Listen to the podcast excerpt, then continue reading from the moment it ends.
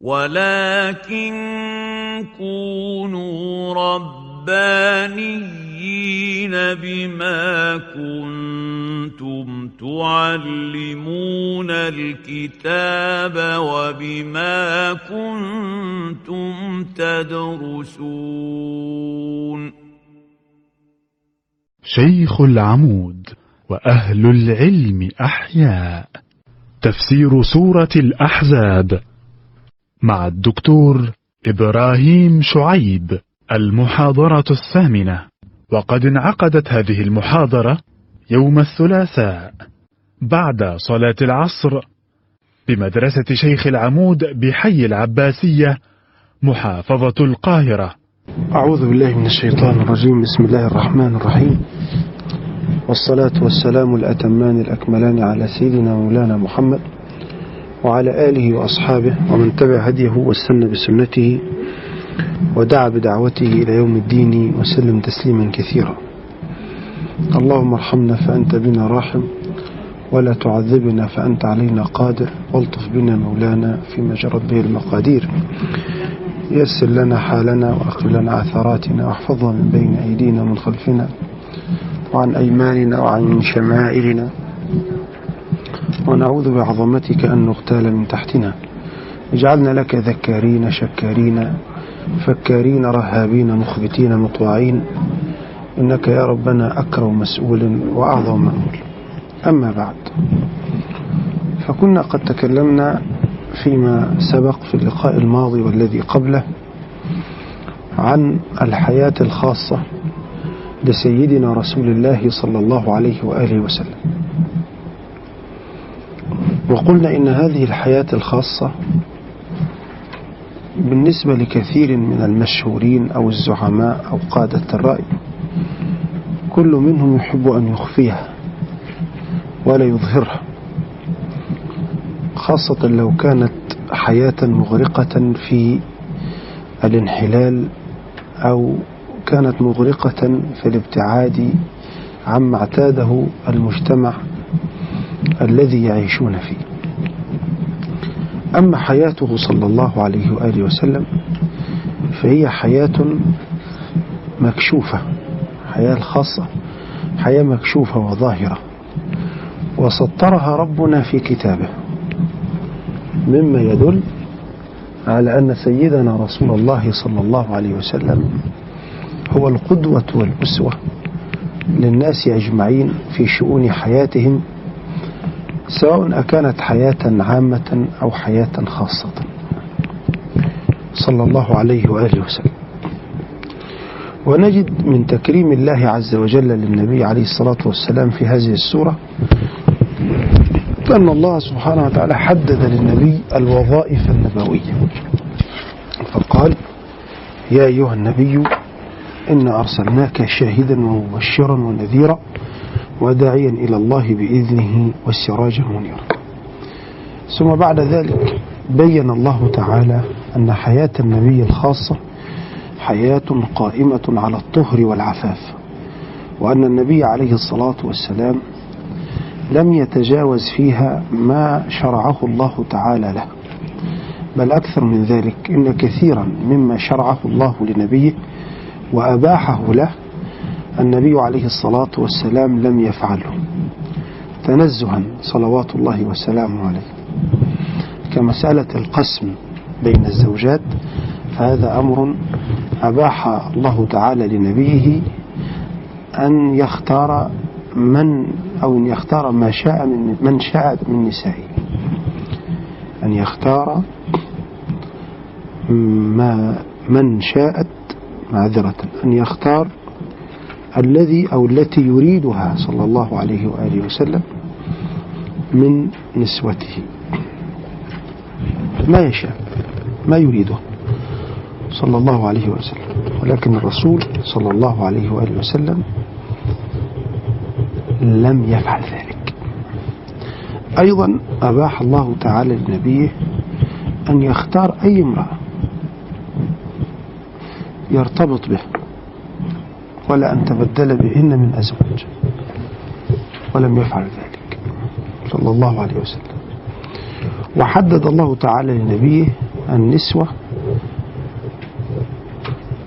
التي يجوز له صلى الله عليه وسلم أو اللائي يجوز له صلى الله عليه وسلم أن يتزوج منهن قلنا أن النسوة أو النساء اللواتي يجوز للنبي أن يرتبط بهن أربع أصناف. الصنف الأول النسوة اللائي دفع مهورهن. الصنف الثاني من نكحهن بملك اليمين. والنصف الثالث والصنف الثالث آه، بنات عمه وبنات عماته وبنات خاله وبنات خالته هنا لطيفة يعني لم أتعرض لها المرة السابقة. هو ليه ربنا سبحانه وتعالى ذكر مسألة بنات العم وبنات العم العمة وبنات الخال وبنات الخالة. ليرد الله تعالى على إفراط النصارى وتفريط اليهود. إفراط النصارى يعني شدة النصارى. فالنصارى لا يزوجون الرجل من المرأة إلا كان بينه وبينها سبعة أجداد. يعني قرابة بعيدة جدا.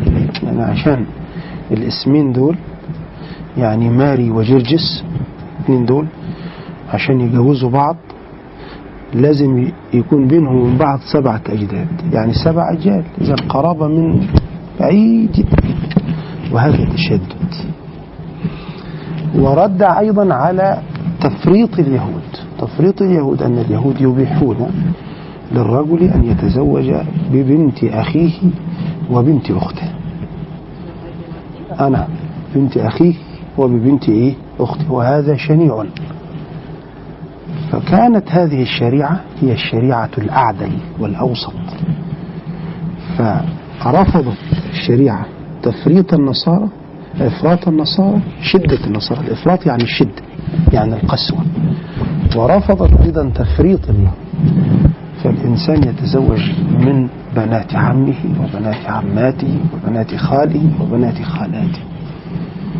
وهذه قرابة ليست بالبعيدة كقرابة النصارى وليست بالقريبة الشنيعة كما يفعل اليهود. والصنف الرابع هو الزواج بالهبة. أن تأتي امرأة فتهب نفسها لسيدنا رسول الله صلى الله عليه وسلم. وقلنا أن هذا حكم خاص به صلى الله عليه وسلم لأن منزلة النبوة أعلى منزلة. وأرفع منزلة. النهاردة كنت أتناقش مع أحد طلابي كنت مشرف عليه في الماجستير يعني فيقول لي طيب ما هو بنات يعني سألني سؤال لطيف جدا يعني بنات العم وبنات العمة وبنات الخال وبنات الخالة أرفع رتبة من ملك اليمين. فليه ربنا سبحانه وتعالى ذكر ملك اليمين قبل بنات العم وبنات العمة وبنات الخال وبنات الخالة؟ فرديت عليه وقلت له لأن المصطفى عليه الصلاة والسلام لو لم ينكح أيا من الإماء بملك اليمين لظن الناس أن هذا صنف محتقر ومنبوذ ولا يصلح. أن يكون أن تكون واحدة من هؤلاء النسوة زوجة أو مرتبطة برسول الله صلى الله عليه وسلم. ولكن الرسول صلى الله عليه وسلم تزوج من هذه الأصناف تكريم للمرأة. أيا تكن المرأة. سواء كان دفع لها مهرا أو سواء كان ملك يمين أو سواء كان بنات عم وبنات عمة أو سواء كان امرأة جاءت فعرضت نفسها أو وهبت نفسها لسيدنا رسول الله صلى الله عليه وسلم. ثم زاد رب العالمين في تكريم المصطفى عليه الصلاة والسلام بأن دفع الأذى عنه. فالصحابة لما كانوا يجلسون ويتجاذبون أطراف الحديث نهاهم رب العالمين عن ذلك. فقال وما كان لكم إن ذلكم كان يؤذي النبي فيستحيي منه. والله لا يستحيي من الحق. ثم زاد تكريم الله تعالى لنبيه بأن حمى نسوته من أي خاطر شيطاني. فهن أي أمهات المؤمنين أمهات المؤمنين وإن كن رضي الله تعالى عنهن غير معصومات إلا أن الله تعالى أعطاهن من وسائل الحفظ. ما يقربهن بأن يكن أهلا لأن يكن زوجات لسيدنا رسول الله صلى الله عليه وسلم.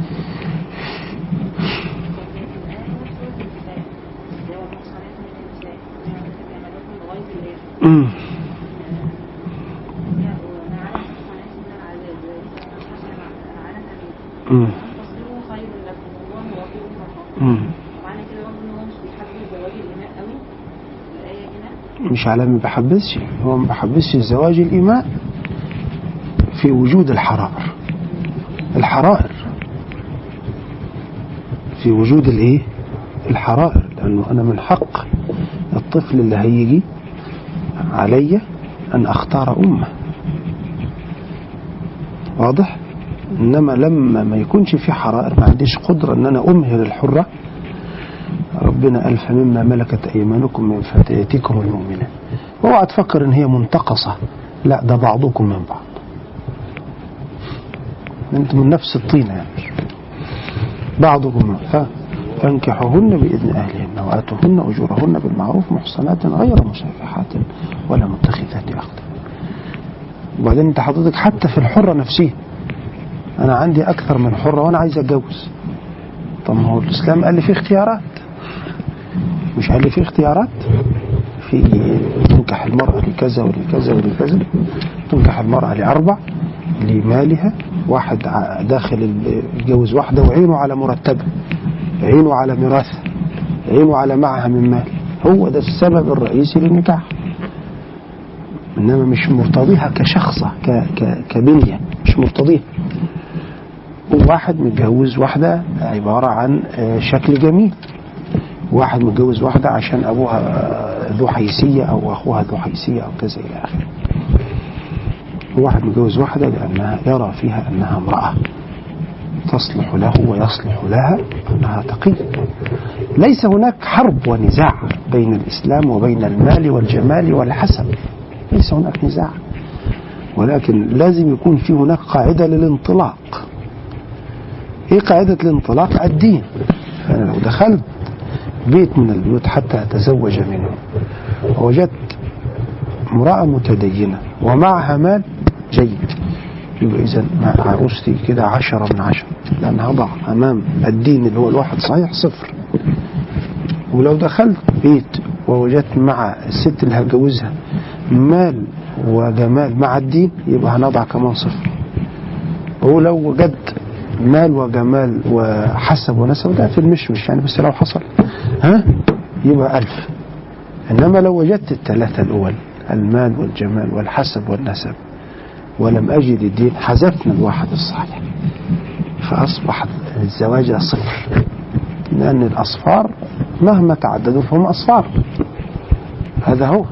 فأصبحت الزواج صفر ذلك سبحانك رب الرسول صلى الله عليه وسلم بين أن من تزوج امرأة من أجل مالها ما زاده الله إلا فقرا. آه طبعا. ومن تزوج امرأة من أجل حسبها ونسبها ما زاده الله إلا ذلا. لأن هي بنت وزير. عاوزة تمارس سلطات أبيها هتمارس سلطاتها هتروح الشارع تمارس سلطات أبيها هتمارس سلطاتها على سيادتك. بس مش أكثر من كده. وأنت سيادتك ليس معك من السلطان ما يضاهيه. فحاجة من الاثنين يا إما أنك أنت تسمع وتطيع وبذلك تنجو ويا إما أنك أنت تنفصل وتروح السجن. شوف اختار بقى. هذا. إذا في الحرائر نفسها في اختيار. فمش بحبذ نكاح الإماء آه نعم ولكن في وجود الحرة. فلو وجدت الحرة الحرة أولى. الحرة إيه؟ أولى. طب لو لم توجد الحرة وأنا خفت على نفسي العنت والوقوع في المعصية أتزوج الأم طب أنا تزوجت الأمة كده والسلام؟ لا ده بعضكم من بعض. وإحنا عندنا كما قلنا من قبل دولة كاملة. حكمت المسلمين 600 سنة أو 500 سنة اسمها الدولة العباسية. كل خلفائها أولاد إمام. يعني مش ابن الأمة ده آه، يعني آه، ليس ابنا من الدرجة الثانية. لا ده صار خليفة يحكم المسلمين. واضح هذه النقطة. على أي حال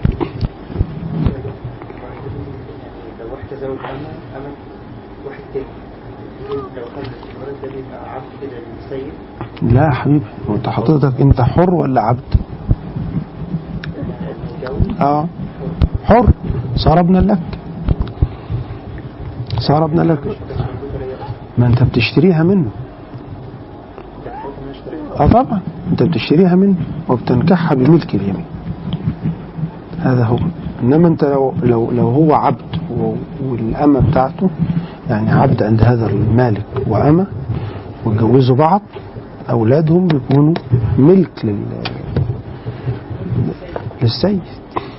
هذا هو. تفضل. ماله؟ أنا عشان يبقى ليا ملك يمين. آه إيه هي المواصفات يعني هو النبي صلى الله عليه وسلم ليه ان هو ينكح يبقى ليه انما في في الوقت بقى اللي فيه حضرتك ملك اليمين ده ده حسب ظروفه. يعني إحنا الآن ما فيش حاجة اسمها ملك يمين. إنما هب لو إن المسلمين ربنا نفخ في صورتهم يعني فيما بعد. ودخلوا وغزوا بلدا ما. البلد ده أسروا فيه مثلا مائة ألف امرأة أسرت. أو أسرنا. إيه ممكن أتعامل مع هذا الكم الهائل من النساء إزاي؟ حد يدينا تصور. ما هو إما أن يكون تصور بربري همجي كما يحدث في بورما الآن أنه التقارير الحقوقية تقول أن أكثر من 50% من النسوة تعرضن للاغتصاب. والاغتصاب إيه بعد أن يقطع أباها ولا جوزها أمامها؟ يعني حالة من الرعب من من الصعب جدا أن تنجو المرأة منه. يعني أدنها ستبقى في أمراضها النفسية إلى أن تلقى الله سبحانه وتعالى. فأنا عندي هذا الكم الهائل من النساء. ماذا أصنع؟ ماذا أفعل؟ الشرع الشريف الإسلام عندي يقول ما حدش من المجاهدين يقترب من أي امرأة من المئة ألف. ألا لا تنكح. حائض حتى حائل حتى تحيض ولا حامل حتى تضع لازم نشوف براءة الرحم. مع انهم هم مأسور- مأسورات. وقعنا في الأسر. إذن لا أحد يقترب من أي امرأة خلاص. الحائل هي المرأة اللي ليس في بطنها حمل لابد أن تحيض وتحيض حيضتين. حتى تظهر براءة رحمها طب والحامل؟ وضع الحمل طب وضعت الحمل وحاضت الحائل. إيه اللي بيتم بعد كده؟ بيقوم الإمام بتوزيع هؤلاء النسوة على المجاهدين. طيب كل واحد خصوصيته كام؟ واحدة ولا اثنين ولا خمسة ولا أكتر ولا أقل؟ طب أنت هتتمتع بهذا العدد. يبقى مقصور عليك. تهدي واحد من أصدقائك جارية. يبقى مقصور عليه. طيب حملت منك. لا يجوز بيعها. خلصنا. كانت جزء من المتاع. بالحمل أصبحت لا يجوز بيعها. مت عنها تصير حرة. إذا إيه اللي عمله الإسلام؟ اللي عمله الإسلام هو أبقى عليها حية حتى يوصلها إلى الحرية مرة أخرى. هذا اللي عمله الإسلام. أبقى عليها حية حتى يوصلها إلى الحرية مرة ثانية. هذا التدرج الذي هو منهج الإسلام في الإصلاح. ده الإيه؟ ده اللي عمله الإسلام. طب واحد مش عاجبه هذا الكلام كويس أوي. قول لنا إيه البديل؟ يعني قول لنا نعمل إيه؟ رأيك أن يكون البديل هو ما يحدث من اغتصاب وهتك للأعراض بصورة همجية بربرية كما حدث في سجن أبو غريب في العراق أو كما حدث أو يحدث الآن في منيمار في إقليم أراكان أو كما حدث في في البوسنة والهرسك. كما حدث من الإيطاليين في ليبيا؟ ولا قولوا. يعني دون ال- الشريعة الغراء اللي عندكم دي أعطونا ما يشوفوا حقوق الإنسان. قال- قالت إيه؟ هو هو المسألة في الاسم. إن يقول لك إزاي إن الإسلام ياخد دول عبيد؟ طب ما هو عبيد وكرمتهم وكرم قام الإسلام بتكريمهن.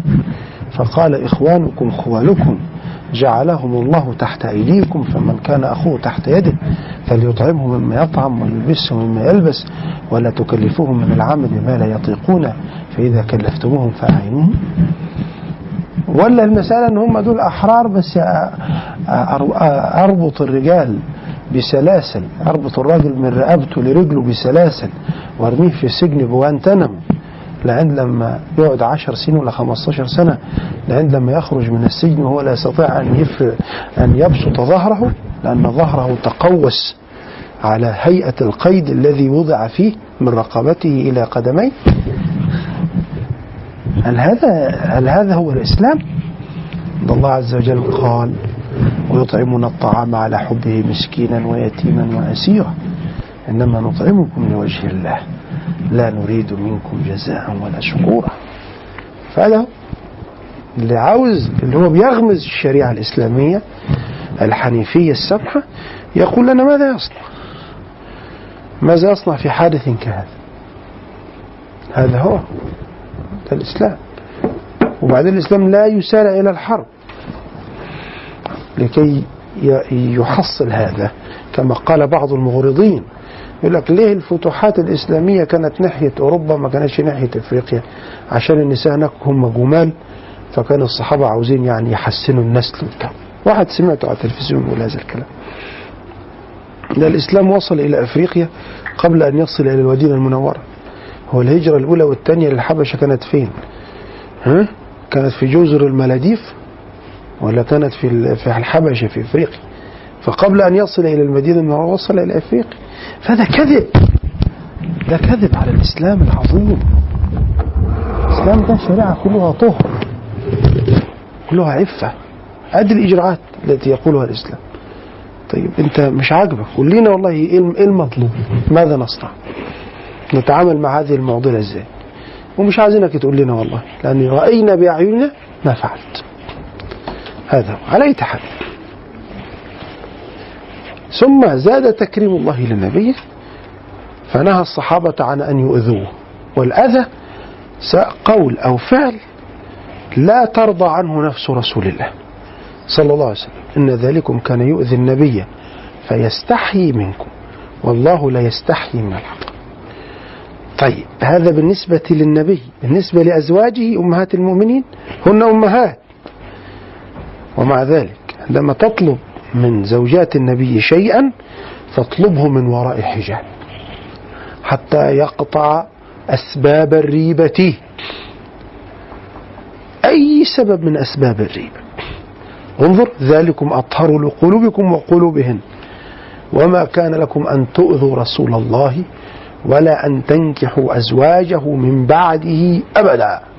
إن ذلكم كان عند الله عظيم وقلنا إن هذا الأمر أو الآية نزلت لأن حد قال إنه عاوز يتزوج عائشة بعد رسول الله. قالوا هو سيدنا طلحة بن عبيد الله ولكن هذا كله مكذوب على سيدنا طلحة. والأظهر لو كان قد حدث وصح فيكون هذا كلام أحد المنافقين. ولذلك هم أزواج الرسول نعم. ولكن من باب تكريم الله لنبيه أن سلطانه على أزواجه سار إن في الحياة وبعد الممات. فكل امرأة يجوز, له يجوز لها أن تتزوج بعد زوجها إذا مات إلا زوجاته صلى الله عليه وآله وسلم. ولكن في خلاف هنا. هل الزوجات هنا اللائي دخل بهن أم اللائي عقد عليهن؟ لأن في نسوة عقد عليهن النبي صلى الله عليه وآله وسلم ولم يدخل بهن. هذا هو. فما الذي حدث؟ الأظهر أنه زوجاته التي دخل بهن. لأنه مسألة العقد هذه ليس معناها كتب الكتاب كما ما هو موجود الآن. إنما معناه أن النبي عليه الصلاة والسلام ارتضى أن تكون زوجة. هل هي رضيت أم لا؟ الرسول عليه الصلاة والسلام يتبين ذلك بدخوله عليها. وهذا حصل مع قتيلة بنت الكندي امرأة من جلفة لما دخل بها النبي صلى الله عليه وسلم قال لها هبيني نفسك. قالت ما كنت لأهب نفسي إلى رجل سوقة وأنا بنت ملوك فأعوذ بالله منك. فقال لها صلى الله عليه وسلم استعذت بعظيم الحقي بأهلك. ما هذا؟ ما معنى هذا الكلام؟ أنه لم يحدث طلاق. ليه؟ لأنه لم يتم زواج أصلا. لأن النبي أراد أن يتبين رأيها فلما رفضت خلاص تركها صلى الله عليه وسلم. فتزوجها بعد ذلك عكرمة بن أبي جهل. فهم به أبو بكر الصديق رضي الله عنه فقال له سيدنا عمر إنه إن النبي لم يبني بها. يعني إيه لم يبني بها؟ يعني لم يدخل بها ويعني تحتجب من رجال المسلمين وبقيت مع النبي عليه الصلاة والسلام. إذا المسألة هي مسألة العقد أو الدخول لا هما بمعنى واحد. هما بمعنى إيه؟ هما بمعنى واحد. وأيضا المرأة التي يعني أخوها زوجها للنبي صلى الله عليه وسلم ولكنها راحت مشوار كده فتأخرت فيه فتوفي رسول الله صلى الله عليه وسلم قبل أن يبني به فتزوجت بعد رسول الله صلى الله عليه وسلم. دي اسمها هذه المرأة أخت أخت واحد من بني عبد القيس بني عبد القيس دول قبيلة كريمة ولذلك في مسجد من المساجد الأول المساجد الأول في الإسلام اللي هو مسجد الجؤاثي تعرفوه؟ تعرفوا هذا المسجد؟ المسجد ده ثاني مسجد بني في الإسلام بعد مسجد آه جؤاثي جؤاثي أو جواف هذا المسجد آه، آه، بني بناه أهل البحرين من وفد من من قبيلة بني عبد القيس. طبعا المسجد ده الآن مش تبع البحرين. المسجد الآن تبع منطقة الإحساء بالسعودية. بس طبعا المنطقة ال- ال- القطيف مع هجر مع البحرين دي اسمها كانت البحرين. لما التقسيم الجديد خد الحتتين دول وضمهم إلى الإيه؟ إلى السعودية. والمسجد ما زال موجودا إلى يوم الناس هذا. وذلك النبي عليه الصلاة والسلام قال جاءكم وفد بني عبد القيس وهم أكرم الناس وأشبههم بكم فقد أسلموا طوعا. لا كرها لذلك لما ارتدت العرب لم تقم الجمعة بعد رسول الله في في, خلافة أبي بكر إلا في قرية في مكة والمدينة والم وهذا المسجد. ولذلك لما استغاث أهل البحرين بالصديق أرسل إليهم جيشا بقيادة العلاء بن الحضرمي فأنقذهم من هؤلاء المرتدين يبقى إذا وما كان لكم أن تؤذوا رسول الله ولا أن تنكحوا أزواجهم بعد أبدا إن ذلكم كان عند الله عظيما. وبعدين ربنا بقى قال المسألة دي الحجاب ده مش في كله بس عاوز أقول لحضراتكم حاجة إن أنت بتظهر شيء بتخفي شيء ربنا عارفه إن تبدوا شيئا أو تخفوه إن الله كان بكل شيء. أما بقى نساء النبي يعني يتعاملن بأريحية مع مين؟ مع الأصناف اللي جاية في الآية لا جناح عليهن في آبائهن ولا أبنائهن ولا إخوانهن ولا بني إخوانهن ولا بني أخواتهن ولا نسائهن ولا ما ملكت أيمانهن وحكينا الموضوع ده المرة اللي فاتت وقلنا إن من الإعجاز إن ربنا ما ذكرش الازواج الأزواج ما قالش لا جناح عليهن في بعولتهن زي ما قال في لن- لنساء المسلمين. ها؟ آه، وقل للمؤمنات يغضضن من أبصارهن ويحفظن فروجهن وليبدين آه، زينتهن إلى ما ظهر منها وليضربن بخمرهن على جيوبهن وليبدين زينتهن إلا لبعولتهن. طب ليه ما قالش لأنه ما فيش آه، هم ازواجه فقط. ما فيش أزواج تانيين خلاص. ولا يبدين إلا لبعلهن. ما هو حضرتك ما هيذكروا ليه؟ ها؟ هو معروف ما ما هو معروف. هو خلاص طيب لا قبله لا, بع... لا, لا في حياته ولا بعد ما مات انتهينا. فيذكر به هذا القصة. ولذلك قاله القرآن من عند رسول الله. كان قال الجملة دي كده هذه القصة وإنما من عند الله عز وجل. ولذلك ربنا قال ألف لام را كتاب أحكمت آياته ثم فصلت من لدن حكيم خبير. هذا هو حال محمد في الملأ الأدنى في الأرض. فكيف حال محمد؟ فقال رب العالمين إن الله وملائكته يصلون على النبي يا أيها الذين آمنوا صلوا عليه وسلموا تسليما. هذه الآية الكريمة يعني حقيقة آية أنا عندما أتوقف عندها تكاد تذهب بعقلي. حقيقة الحال ليه؟ لأنه أنت لو موظف مثلا في مؤسسة ما ومديرك في العمل كل شوية يقول آه، يعني أنت اسمك إيه؟ مح- محمود ده مية مية محمود ده صالح محمود كذا محمود كذا كل لحظة يعني أنت الدنيا وما فيها طب تأمل لما يكون رب العالمين هو الذي خلق النبي وهو الذي وضع في النبي هذا الكمال وهو الذي أرسله للناس وهو الذي جعله رحمة للعالمين. وعلمك ما لم تكن تعلم وكان فضل الله عليك عظيما وكل فضل من في رسول الله هو من الله. ومع ذلك الله نفسه جل جلاله يصلي على النبي. ده أمر شديد حقيقة شديد.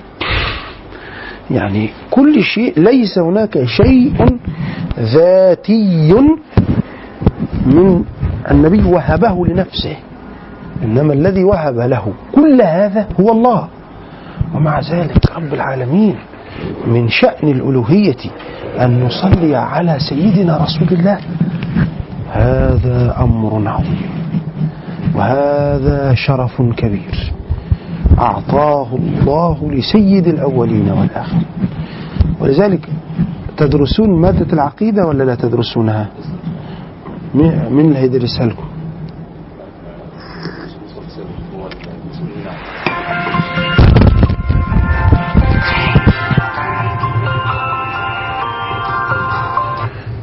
ال- في من صفات الله عز وجل. صفة تسمى صفة الكلام. وكلم الله موسى تكليما. طيب. الله عز وجل قبل خلق الخلق قبل خلق هذا العالم. لأن العالم مخلوق حادث يعني. لا كما يقول الملاحدة إنه قديم لأنه الذي يقول إن العالم قديم لا بني آدم ما بيفهمش لما؟ لأن تقرر في العقول قاعدة عقلية أن كل فعل لا بد له من فعل. أنت تركت حجرتك غير مرتبة ثم رجعت إليها فوجدتها مرتبة. هل تقول إن الحجرة ترتبت نفسها؟ أم ماذا؟ جاوب أنت لذلك ربنا سأل الملاحدة في القرآن الكريم السؤال فقال لهم أم خلقوا من غير شيء؟ أم هم الخالقون؟ يعني تقول الحجرة لا مرتب لها أم أن الحجرة رتبت نفسها؟ جاوب. أم أن أم أن الحجرة قد رتبها مرتب. فإن أم خلقوا من غير شيء يعني جئت هذا الخلق ليس له خالق أم أنت الخالق؟ أم خلقوا من غير شيء؟ أم هم الخالق ربنا خلق هذا العالم. قبل خلق العالم كان الله ولا فضاء ولا ملاء ولا خلاء وهو على ما كان. ولذلك وفد اليمن وفد بني تميم جاء إلى النبي عليه الصلاة والسلام. فقال النبي عليه الصلاة والسلام أقبلوا البشرى يا بني تميم. قالوا بشرتنا يا نبي الله فأعطنا. عاوزين فلوس. فأعرض النبي عنهم لما رأى من حرصهم على الدنيا. فدخل وفد اليمن. فقال اقبلوا البشرى يا أهل اليمن. إذ لم يقبلها بنو تميم.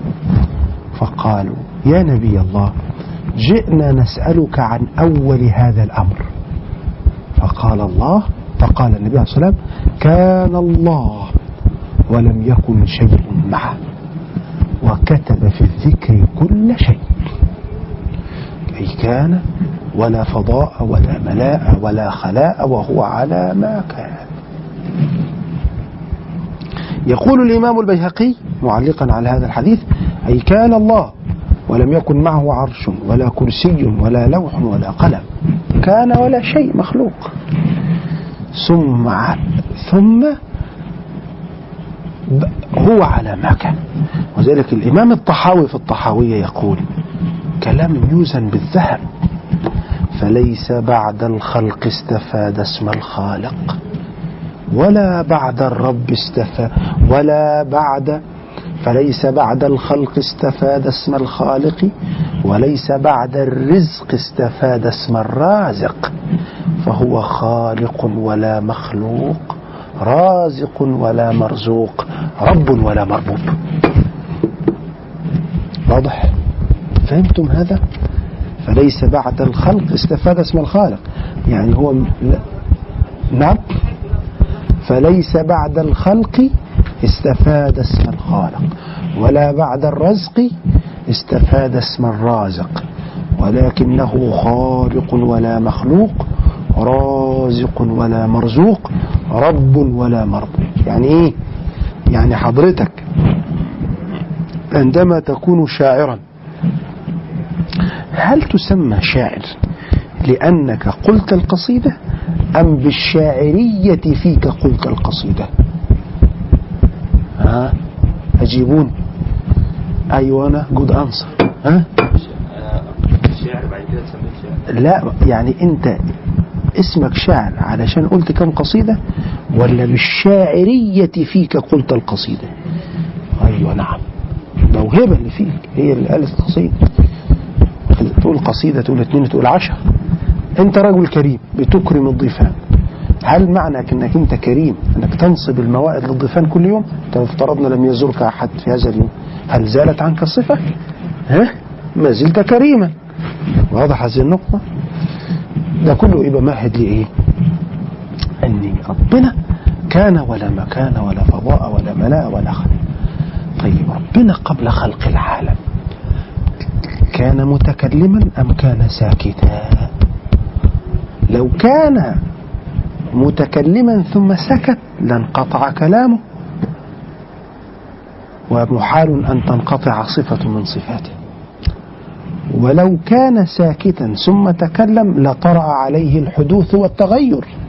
والله منزه عن ذلك. إذا الله تعالى متكلم في الأزل وما زال متكلما. ما زال آمرا ناهيا. سبحانه وتعالى. طيب قبل خلق العالم ماذا كان يتكلم؟ سبحانه وتعالى. كان يسبح ذاته ويمجد ذاته. ويقدس ذاته ويصلي على حبيبه محمد. كيف؟ كيف هذا؟ قال تعالى في القرآن شهد الله أنه لا إله إلا هو. فقبل أن يشهد أحد لله تعالى بالوحدانية شهد الله لذاته بالوحدانية. طيب كان يصلي على النبي يعني كان يصلي على النبي؟ صلى الله عليه وسلم. جبناها منين دي؟ ها؟ قبل خلق العالم. القرآن الكريم قديم ولا حادث؟ إيه؟ ومن القرآن القديم إن الله وملائكته يصلون على النبي. فصلى الله على النبي قبل خلق المخلوقات. ثم أمر الملائكة فصلت على النبي. ثم أمر المؤمنين فصلوا على النبي. فسيدنا جبريل عليه السلام هو أمين وحي السماء لجميع الأنبياء فكان من مهامه أن يصلي على النبي صلى الله عليه وسلم. فصلى على النبي ملايين ملايين ملايين السنين. ولذلك أمير الشعراء يقول والآي تترى والخوارق جمة جبريل رواح بها غداء دين يشيد آية في آية. لبناته السورات والألواء الحق فيه هو الأساس. كيف لا؟ والله جل جلاله البناء. فجبريل صلى على سيدنا الرسول فترات طويلة من الزمن. ثم لما أخبر جبريل بأن ينزل بالوحي على سيدنا محمد طيب أنا جايب لك رسالة من أبيك اللي مسافر. ليه يعني أكسرك يعني وأنا بديك رسالة؟ سيدنا النبي يقول فضمني حتى بلغ مني الجهد وإن جبيني لا يتفصد عرقا طب ليه؟ ما سيدنا جبريل يبلغ سيدنا النبي رسالة بسهولة. قالوا فضم سيدنا جبريل سيدنا النبي شوقا إليه من هذا الذي أمرت أن أصلي عليه قبل أن أراه. صلى الله عليه وآله وسلم. ولذلك لما انقطع الوحي عن سيدنا رسول الله صلى الله عليه وسلم ثم بعد ذلك نزل سيدنا, سيدنا النبي قال لسيدنا جبريل لقد أبطأت علي حتى ساء ظني واشتقت إليك. فقال سيدنا جبريل عليه السلام والله يا حبيبي يا محمد إني كنت أشوق إليك ولكنني عبد مأمور إذا بعثت نزلت ثم تلا قول الله تعالى وما نتنزل إلا بأمر ربك له ما بين أيدينا وما خلفنا وما بين ذلك وما كان ربك نسيا رب السماوات والأرض وبينهما فاعبده واصطبر لعبادته هل تعلم له سميا؟ نعم. مثيلا. وذلك أنت لما تقول إيه؟ اسمك محمود. وأنت اسمك؟ خليك محمود. يقول لك ده سميي ها؟ آه مثيلي. يعني سميي يعني مثيلي في الاسم. فهل تعلمه سمين أي مثيل؟ لا لا نعلم له سمين لأنه لا يوجد أصلا.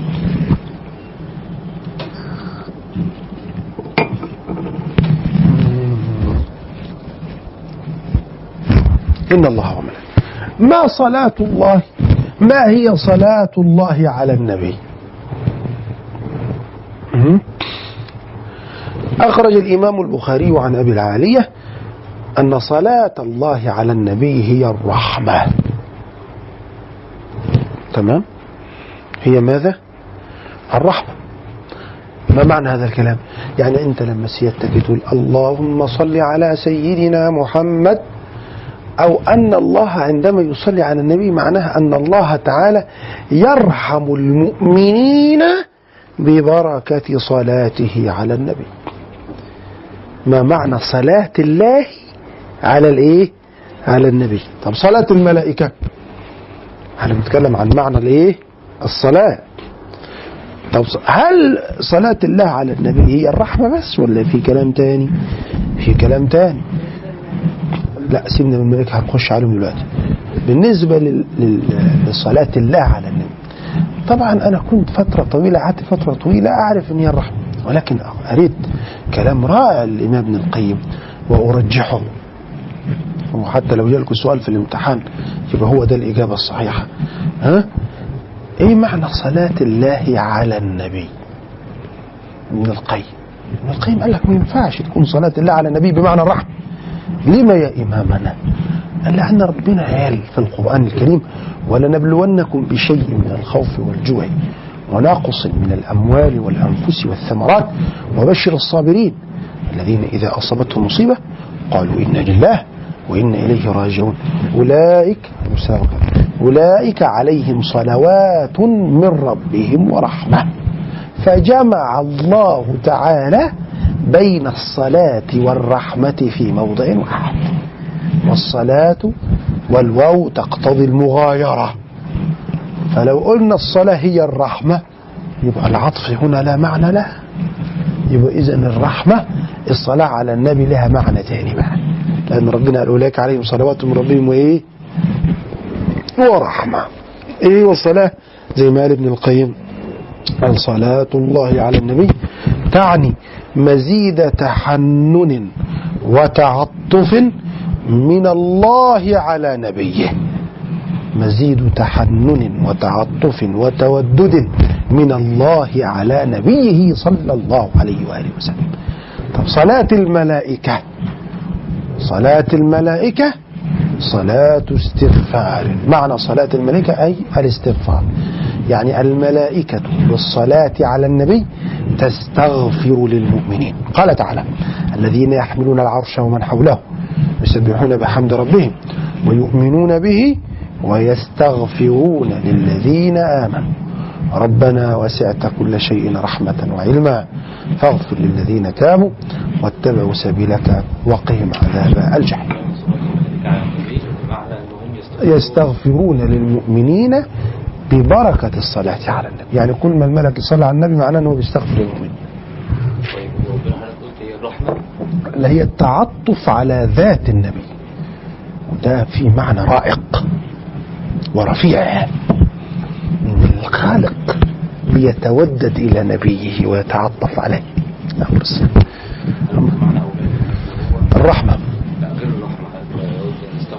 ربنا يرحمني أبي ربنا بسبب استغفارهم تبرك بالصلاه على النبي أنا بتكلم الملائكة صلاتها على النبي هو الاستغفار. هنيجي للمؤمنين بقى. إيه معنى صلاة المؤمنين على النبي؟ اولا أنت مش حيلتك حاجة تديه للنبي. أنت أبيض يا ورد مش هتدي النبي حاجة فأنت مش مؤهل إنك تصلي عليه. مش لأن أنت مش معك حاجة. خالص. مطلقا. يعني لست أهلا لأن تصلي على النبي. طب ما اللي بيحصل؟ اللي بيحصل إن أنا كمسلم أو كمؤمن أطلب من الغني الأعلى وهو الله أن يصلي على النبي. اذا صلاة المؤمنين على النبي هي دعاء من المؤمن بأن يقبل الله منه عبادته فيصلي الله على نبيه. واضح وصلاه المؤمنين على النبي هي دعاء. لأن أنت بتقول اللهم صل. صل دي فعل أمر فعل أمر معروف. أما يكون من الأعلى إلى الأدنى أمر. أما يكون من المساوي. زميلك يعني خد بالك من دروسك وبتاع. ده على سبيل الأدفايس النصيحة يعني. أما يكون من الأقل إلى الأعلى ده دعاء ورجاء. زي ما الطفل طفلك الصغير يقول لك يا ماما أكليني. أكليني ده فعل أمر ولكن بيترجى يعني. مش بيأمر الأم. لا يأمرها لا يستطيع أن يأمرها. هذا هو. إذا ده معنى صلاة الله على النبي ومعنى صلاة الملائكة على النبي. ومعنى صلاة عليه. في بقى فيلق من الملائكة فريق من الملائكة قطاع من الملائكة شغله هو الصلاة على النبي. شغله كده. إنما الملائكة الآخرون بإضافة مهامهم وأعمالهم يصلون على سيدنا رسول الله صلى الله عليه وآله وسلم. إن الله وملائكته يصلون ويصلون جاءت بفعل مضارع الذي يفيد التجدد والحديث لم يقل الله صلوا. طيب ليه ربنا بقى ما قالش إن الله وملائكته يصلون ويسلمون. مش في الصلاة والسلام وذلك؟ يعني توافر كلام السلف أن الصلاة والسلام لا بد أن يكون مقرونين. اللهم صل على سيدنا محمد وعلى آله وصحبه وسلم. الصلاة والإيه؟ والسلام. والسلام بمعنى بعث الأمن والطمأنينة لسيدنا ومولانا رسول الله. من واحد يقول لك السلام عليكم معناه إن أنا بديك رسالة إن في أمن وطمأنينة. لن أضرك في إيه؟ لن أضرك في شيء وهذا معروف. أن الصحابة قالوا للنبي صلى الله عليه وسلم قد علمنا السلام يا نبي الله فما الصلاة؟ هو الصلاة. بقى قال تقولون اللي هو التشهد. اللهم صل على محمد وعلى آل محمد كما صليت على إبراهيم وعلى إبراهيم وبارك على محمد وعلى آل محمد كما باركت على إبراهيم وعلى إبراهيم في العالمين إنك حميد إيه ماشي. إن الله وملائكته يصلون على النبي. طب لما لم يقل يصلون ويسلمون؟ لأن كلمة السلام لها أكثر من معنى. فمعناها السلام أي الأمان. ومعناها الاستسلام. زي اللي ماشيين فيه العرب اللي من دول. ها؟ يبقى معناها الإيه؟ الاستسلام والخضوع.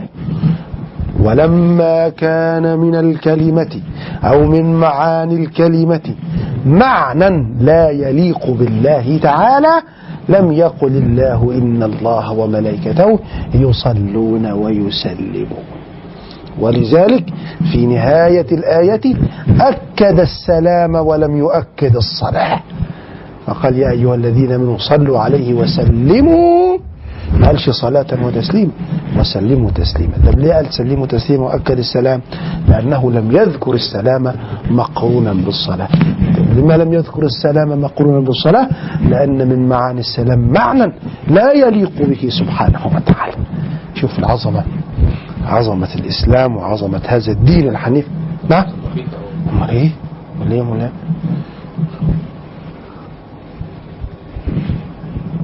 القرآن ده يا جماعة عاوزكم تعيشوا معاه.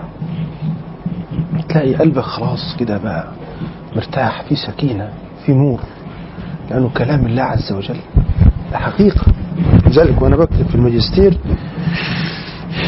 اليوم اللي أقرأ فيه الورد يبقى يوم عسل. حقيقة يعني. أروح على الكتاب كده زي ما أكون حاط المعلومة بإيدي أجيبها وأكتبها. واليوم اللي مش هقرا فيه الورد بيبقى يوم كده متبرشم من أوله لآخره حقيقة. أقعد أدور وأقعد وبتاع والدنيا تضيع. اليوم يروح في شنك زي ما بقول حقيقة. تبين في بركة. غير كده إن هو بيديك عافية. تلاقي نفسك بعد ما تقرأ ثلاث أربع أجزاء من القرآن جسمك بقى صحيح. في عافية في قوة. إزاي ما تعرفش؟ ده سر من أسرار هذا الكتاب العظيم. يا أيها الذين آمنوا صلوا عليه وسلموا تسليما. ولذلك الصلاة والسلام على النبي فرض في العمر مرة كل واحد فيكم يتوضأ يتوجه إلى القبلة ويصلي على النبي. فترة كده يبقى أدى الفرض. ويتنفل كلما سمع اسمه الشريف. صلى الله عليه وسلم. لذلك اجعل لنفسك وردا من الصلاة على النبي كل يوم. كل يوم كده وانت ماشي رايح الشغل رايح الكلية رايح المدرسة بتاعتك رايح اللي انت رايحه. صلي على النبي 100 مرة ولا حاجة. آه تجلس تصلي عليه دي الفرض. لأنه الصلاة صلوا عليه ده فرض مفيش كلام. وتتن... وتتنفل في كلما سمعت اسمه. ففي الحديث لما النبي ارتقى درج المنبر فقال في الدرجة الأولى آمين وفي الثانية آمين وفي الثالثة آمين. فقال الصحابة على ما أمنت يا نبي الله؟ قال جاءني جبريل وقال رغم أنف امرئ أدرك أبويه ولم أدرك رمضان ولم يغفر له. فقل آمين يا محمد فقلت آمين. وفي الثانية قال جبريل رغم أنف امرئ أدرك أبويه أو أحدهما ولم يدخلاه الجنة. فقل آمين فقلت آمين. وفي الثالثة قال جبريل رغم أنف امرئ ذكرت عنده ولم يصلي عليك فقل آمين فقلت آمين. نبقى تصلي على النبي. ولذلك في مذهبنا الشافعي أن من لم يصلي على النبي في التشهد صلاته باطلة. وده ممن فرد به الشافعي. والإمام ابن كثير انتصر للإمام الشافعي. قال لك لأن الآيات والأحاديث على الوجوب. إنما الإمام. مالك والكلام ده والأئمة التانيين قالوا ده مستحب. إنما نصلي على النبي. لذلك الإمام الشافعي قال كده يا آل بيت رسول الله حبكم فرض من الله في القرآن أنزله.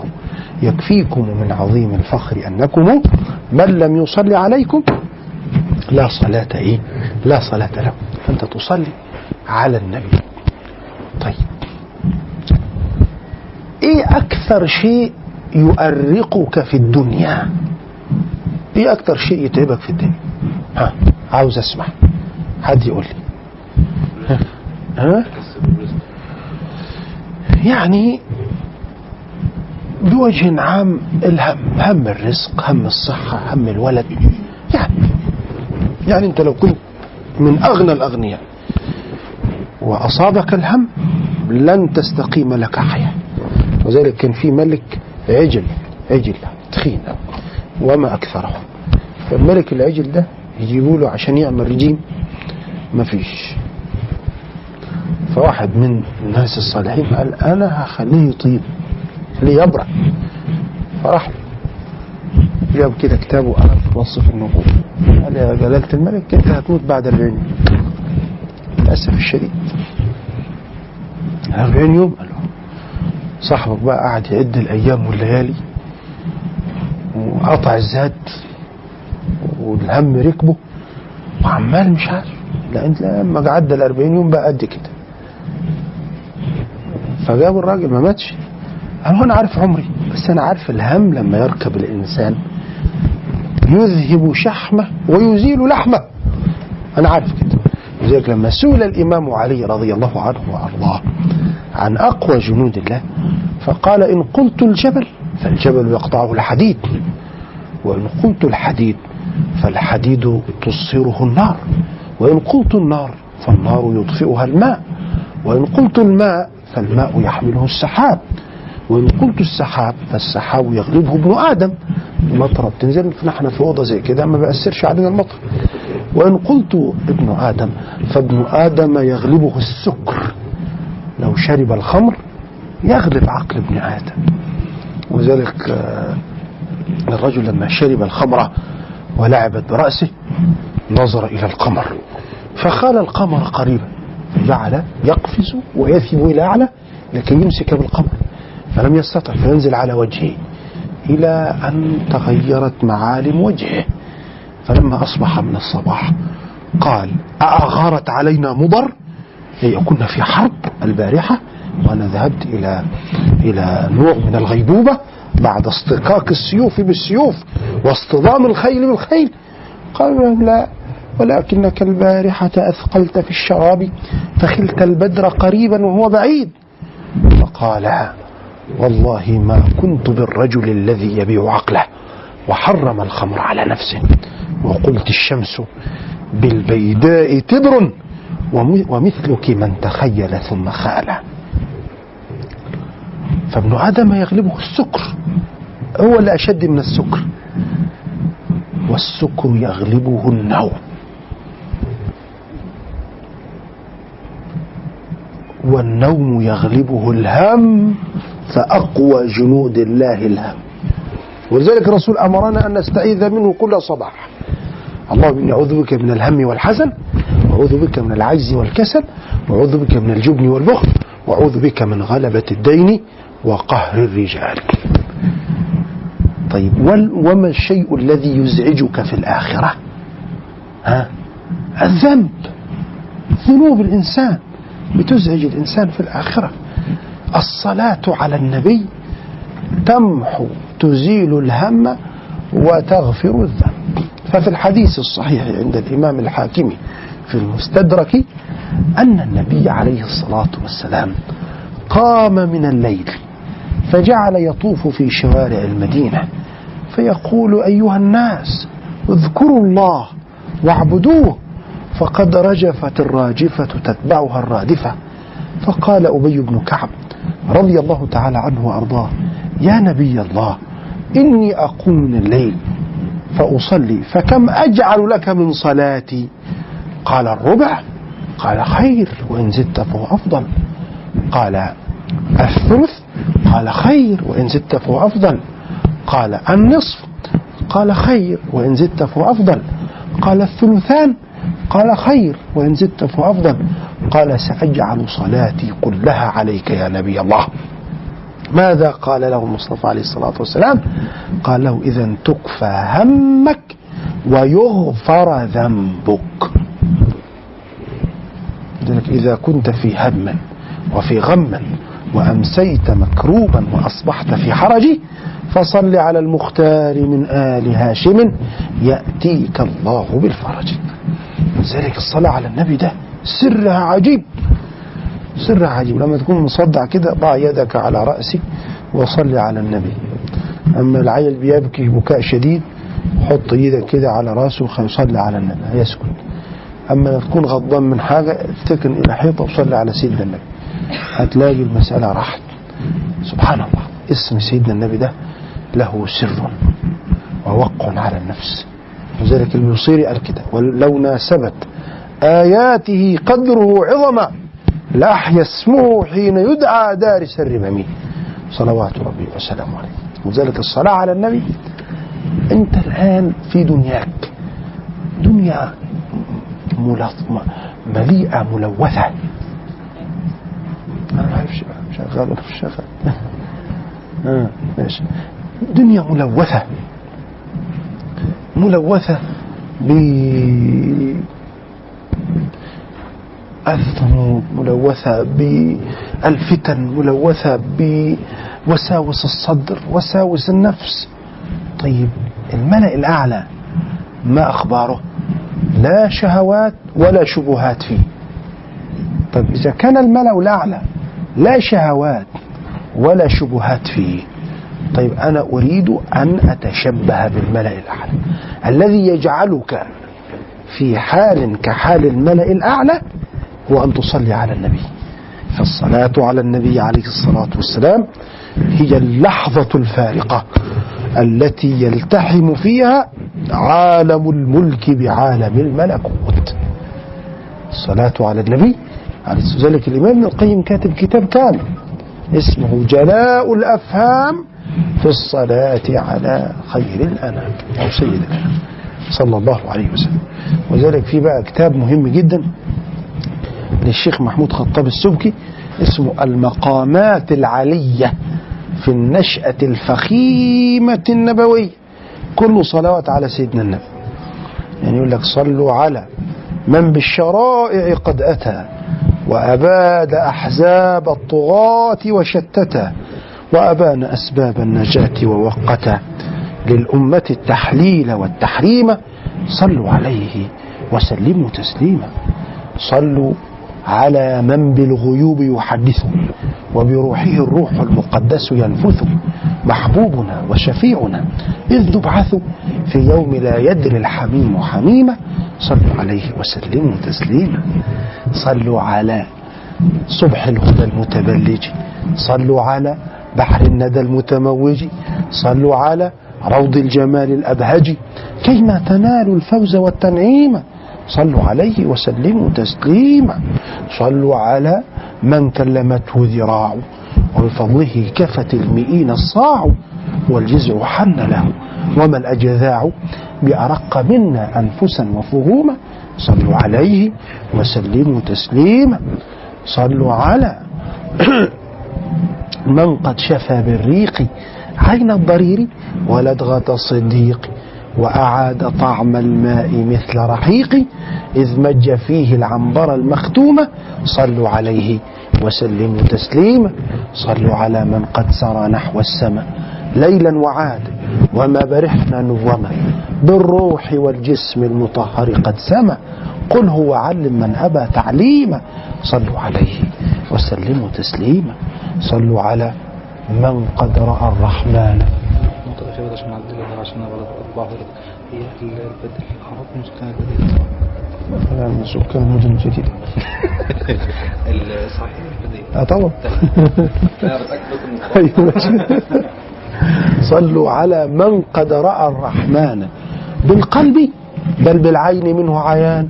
من قابنا ودنا قريبا كان فخذ الفوائد واحذر التجسيم. صلوا عليه. وسلموا تسليما. صلوا على من قد حماه إلهه. بالكوثر المروي لنا أمواهه. في يوم حشر الخلق يظهر جاهه إذ يقدم الرسل الكرام زعيما. صلوا عليه وسلموا تسليما. لما لا نفيض على الدوام دموعنا. لما لا نفيض من الغرام ضلوعنا. لما لا نخلي أهلنا وربوعنا. حتى نعاين من ذراه رسوما. صلوا عليه وسلموا تسليما. من مثله ماء يضر وينفع من مثله عنا جهنم يدفع من مثله لذوي الكبائر يشفع من مثله بالمؤمنين رحيما صلوا عليه وسلموا تسليما. ولذلك اسمه المقامات العلية في النشأة الفخيمة النبوية. طبعا الصلوات المأثورة معروفة إنما في ناس من العارفين والأولياء لهم صلوات خاصة بهم يعني سيدنا الإمام الأكبر الشيخ عبد الحليم محمود كان مهموم شوي واحد من الصالحين. قال له مالك يا شيخ عبد الحليم؟ قال له والله مهموم. قال خد نصلي على النبي بهذه الصيغة. فحفظها ودخل الخلوة بتاعته يصلي على النبي بالصيغة دي. فلقي إن حروف الو- الورقة التي مكتوب فيها صيغة تتلألأ بالنور. بقول فظننت أن بعيني تعبا فجعلت أدلكها فإذا النور يزداد. إيه هي بقى الصيغة دي؟ اللهم صل صلاة جلال وسلم سلام جمال على حبيبك سيدنا محمد واغشه اللهم بنورك.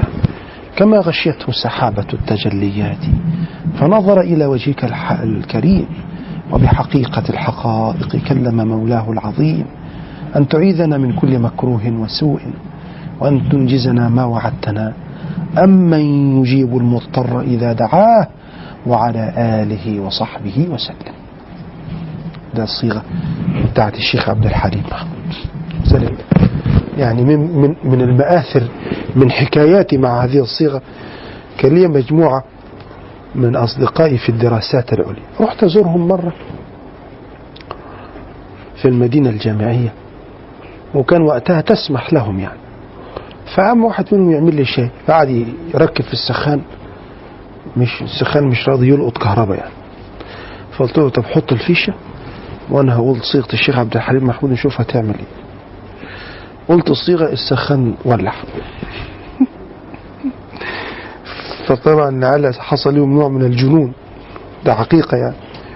فكل واحد منهم بعد ما عملوا لي الشاي قال لازم تملينا الصيغة دي.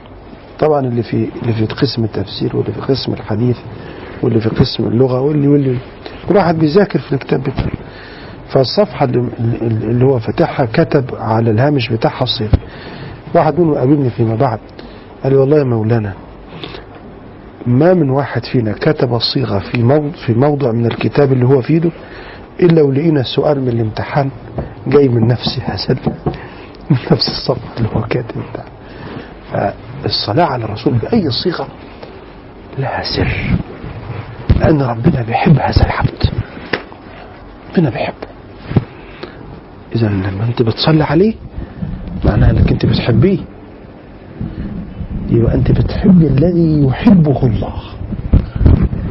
ولذلك من كما قال السلف من السنن أن الإنسان عندما يدعو يبدأ بالدعاء بالصلاة على النبي وينتهي من الدعاء بالصلاة على النبي. لأن الله سيقبل الصلاة على نبيه فسيقبل ما بين الصلاتين.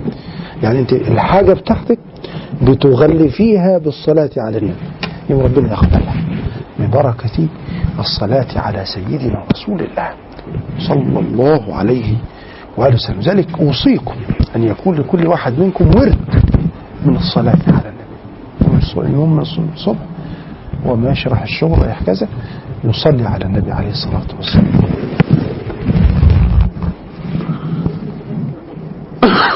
نعم. الشيخ محمود خطاب السبكي.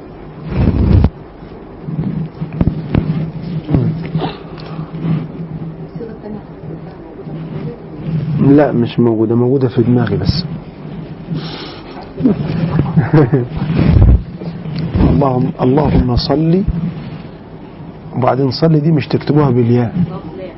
لا صل صلي صاد لام بس لأنه فعل أمر. فعل أمر يجزم بحذف حرف العلة. مش تكتبي صلي صلي دي غلط. اللهم صل صلاة جلال. وسلم. سلام جمال. اللهم صل صلاة جلال وسلم سلام جمال على حبيبك سيدنا محمد. واغشه اللهم واغشه اللهم بنورك كما غشيته سحابة التجليات فنظر إلى وجهك الكريم. واغشه واو ألف غين شين ه. واغشه اللهم بنورك.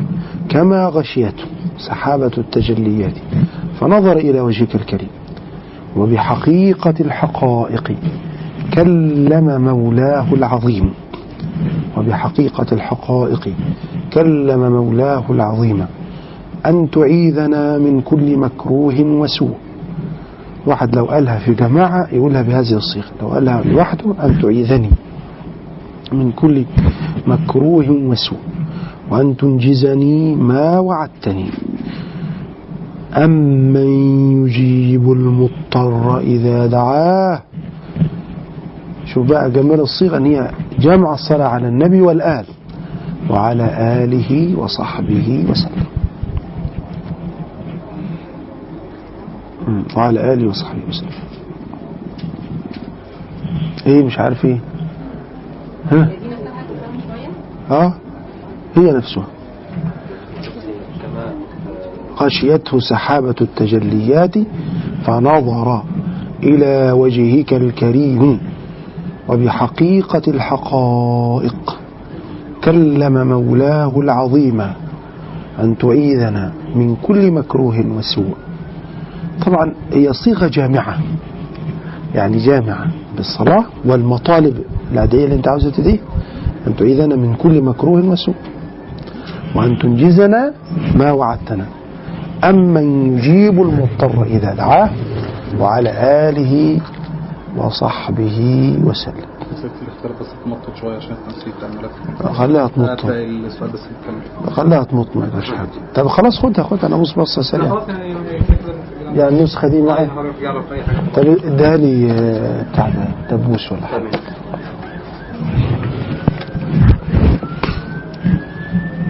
طب عايزين نخش على الآية التانية. إحنا كده هناخد المحاضرة كلها في الصلاة على سيدنا النبي صلى الله عليه وسلم. اللهم صل عليه اللهم صل عليه.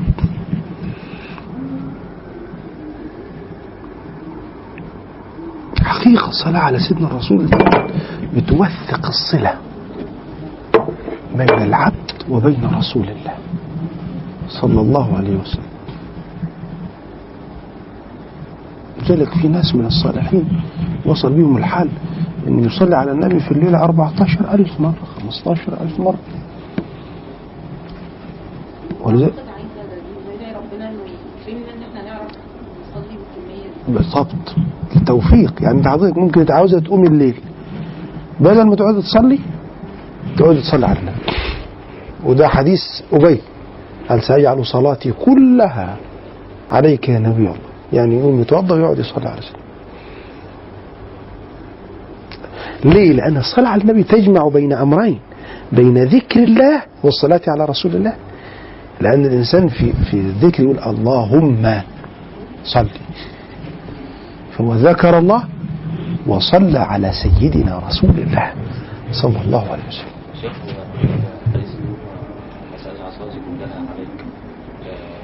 آه، الصلاة هنا بمعنى الدعاء. آه آه يعني بمعنى ممكن أنا أصلي بس لما أجي أدعي بقى ربنا أخلي دعائي كله للنبي.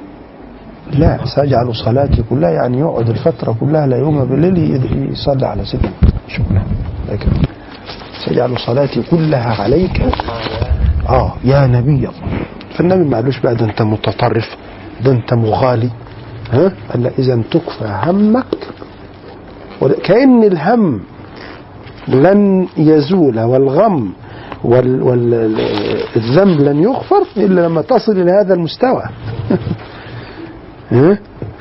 ولذلك في يا جماعة اليومين دول حاجة اسمها تفريغ المفاهيم الصحيحة من مضامينها يعني إيه؟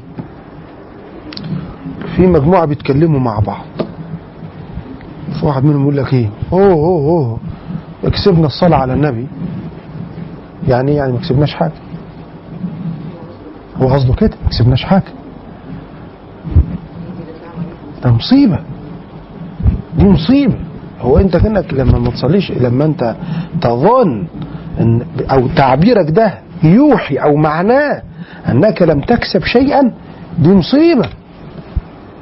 دي إيذاء لسيدنا رسول الله صلى الله عليه وسلم. لذلك كان في واحد من مشايخنا يقول كنا بناكل فابن قال الجملة دي. فجيت رافع إيدي ومديله بالقلم على وشه. قلت له هل أنت في شك؟ هل أنت في شك فعلا من أنك أنت عندما تصلي على النبي لم تكسب. صلى الله عليه وآله وسلم. فده تفريغ للمفاهيم العظيمة والعبادات من مضامينه. فأصبح الصلاة على النبي مضمونها معناها أن هو ما كسبش حاجة؟ هذا إيه؟ هذا هو. لذلك الإنسان لازم اللي عاوز يعرف الحاجات دي بالتفصيل يجيب كتاب ابن القيم ويجيب كتاب القاضي عياض الشفاء للتعريف بحقوق المصطفى. الحقوق المصطفى أربع محبته. طاعته مع توقيره. نصرته. الصلاة والسلام عليه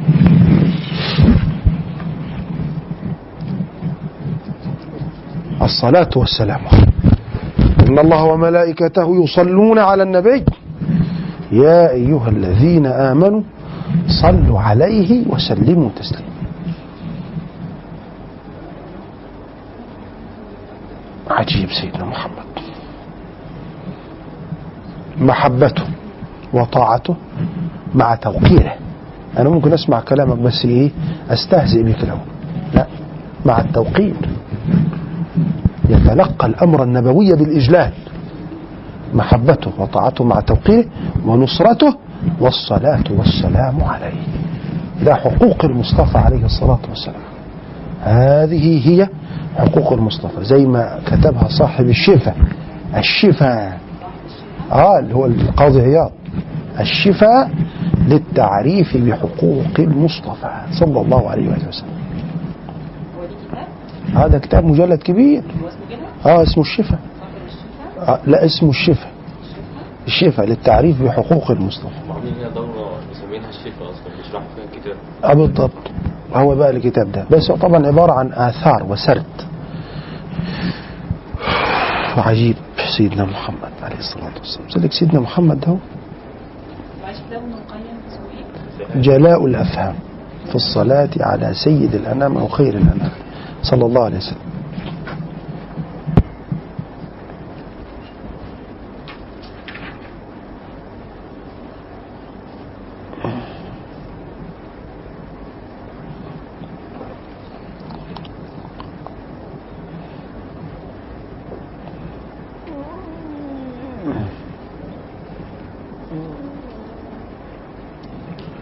إن الله وملائكته يصلون على النبي. يا أيها الذين آمنوا صلوا عليه وسلموا تسليما. من عبادات المؤمنين التي ارتضاها الله في أن تكون قربة يتقرب بها العبد إلى ربه هو الصلاة والسلام على سيد الأولين والآخرين سيدنا محمد صلى الله عليه وآله وسلم.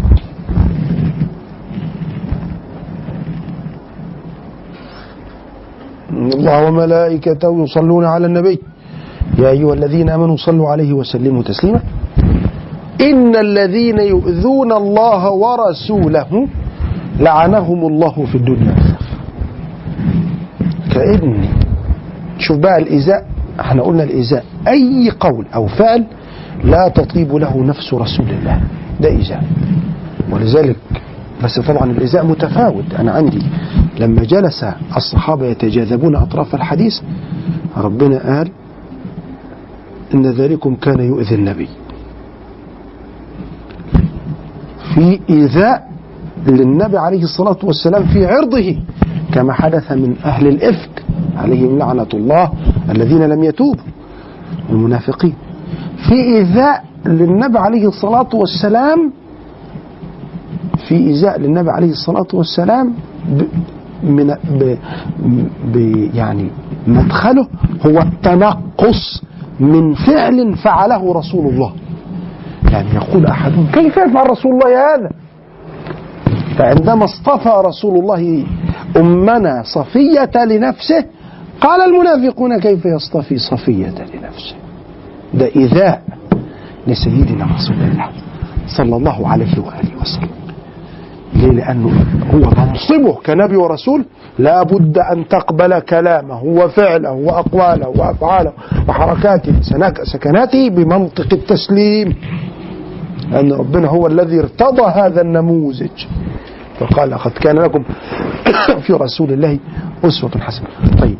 إن الذين يؤذون الله ورسوله طيب ليه الكلام كله عن إيذاء الرسول مش إيذاء الله؟ وبعدين إيذاء الله غير متصور أصلا. إيذاء الله غير متصور يعني لا أحد يستطيع أن هو يوقع الأذى بالمعنى الحقيقي بالله عز وجل. ولكن كما قال شيخ الإسلام ابن تيمية لأن إيذاء الرسول هو إيذاء لله. ليه؟ لأن الجهة واحدة. وجهة الله هي عين جهة الرسول. وجهة الرسول هي عين جهة الله. ولذلك ربنا قال إن الذين يبايعونك إنما يبايعون الله. من يطع الرسول فقد أطاع الله. يبقى الجهة إيه؟ واحدة. الجهة واحدة. ولذلك الرسول صلى الله عليه وسلم قال من أطاعني فقد أطاع الله. ومن عصاني فقد عصى الله. ومن أطاع أميري فقد أطاعني ومن عصى أميري فقد عصاني إن الذين يؤذون الله ورسوله ربنا يعمل فيهم دول لعنهم واللعن هو الطرد والإبعاد والنبذ من رحمة الله. لعنهم الله. في الدنيا فهم محتقرون من المجتمع المسلمي لأنهم تطاولوا على سيدنا ومولانا المصطفى. ولذلك أي واحد مجرم من المجرمين تطاول على النبي انتقم الله. منه على طول. لأن الله قال لنبيه إنا كفيناك المستهزئين فلما قال أحدهم إنه مجنون. الرسول مجنون. يقول لك إيه؟ وقالوا يا أيها الذي نزل عليه الذكر إنك لمجنون. طب هو أم قالوا كده؟ ربنا قال إيه؟ النون والقلم وما يسطرون ما أنت بنعمة ربك بمجنون. ده أكمل عقل ده لا يوجد. يعني إذا عديت الأذكياء اللي في العالم أولهم النبي. زي ما قالوا الكفرة. الراجل بتاع الخالدون 100 قال كده. آه قال إن محمد أول واحد. طب ليه يا عمنا؟ قال لك لأسباب موضوعية. أنا هو هو مش مش مؤمن بمحمد عشان يقدمه على المسيح اللي هو بيعبده. قال لك لأن محمد نجح على المستويين. الديني والدنيوي فنشر دينا وأقام دولة. المسيح نشر دين بس إنما لم يقم دولة. أما مصطفانا صلى الله عليه وآله فقد نشر دينا وأقام دولة. لذلك الإمام القرافي تلميذ الإمام العز بن عبد السلام يقول اعلم أن النبي عليه الصلاة والسلام هو القاضي الأحكم والمفتي الأعلم وما من منصب ديني أو دنيوي إلا وقد تولاه النبي. وقد جمع الله فيه المناصب الدينية والدنيوية في أجل وأفضل رتبة وهو أفضل من تولاها إلى يوم القيامة. لعنهم الله في الدنيا والآخرة.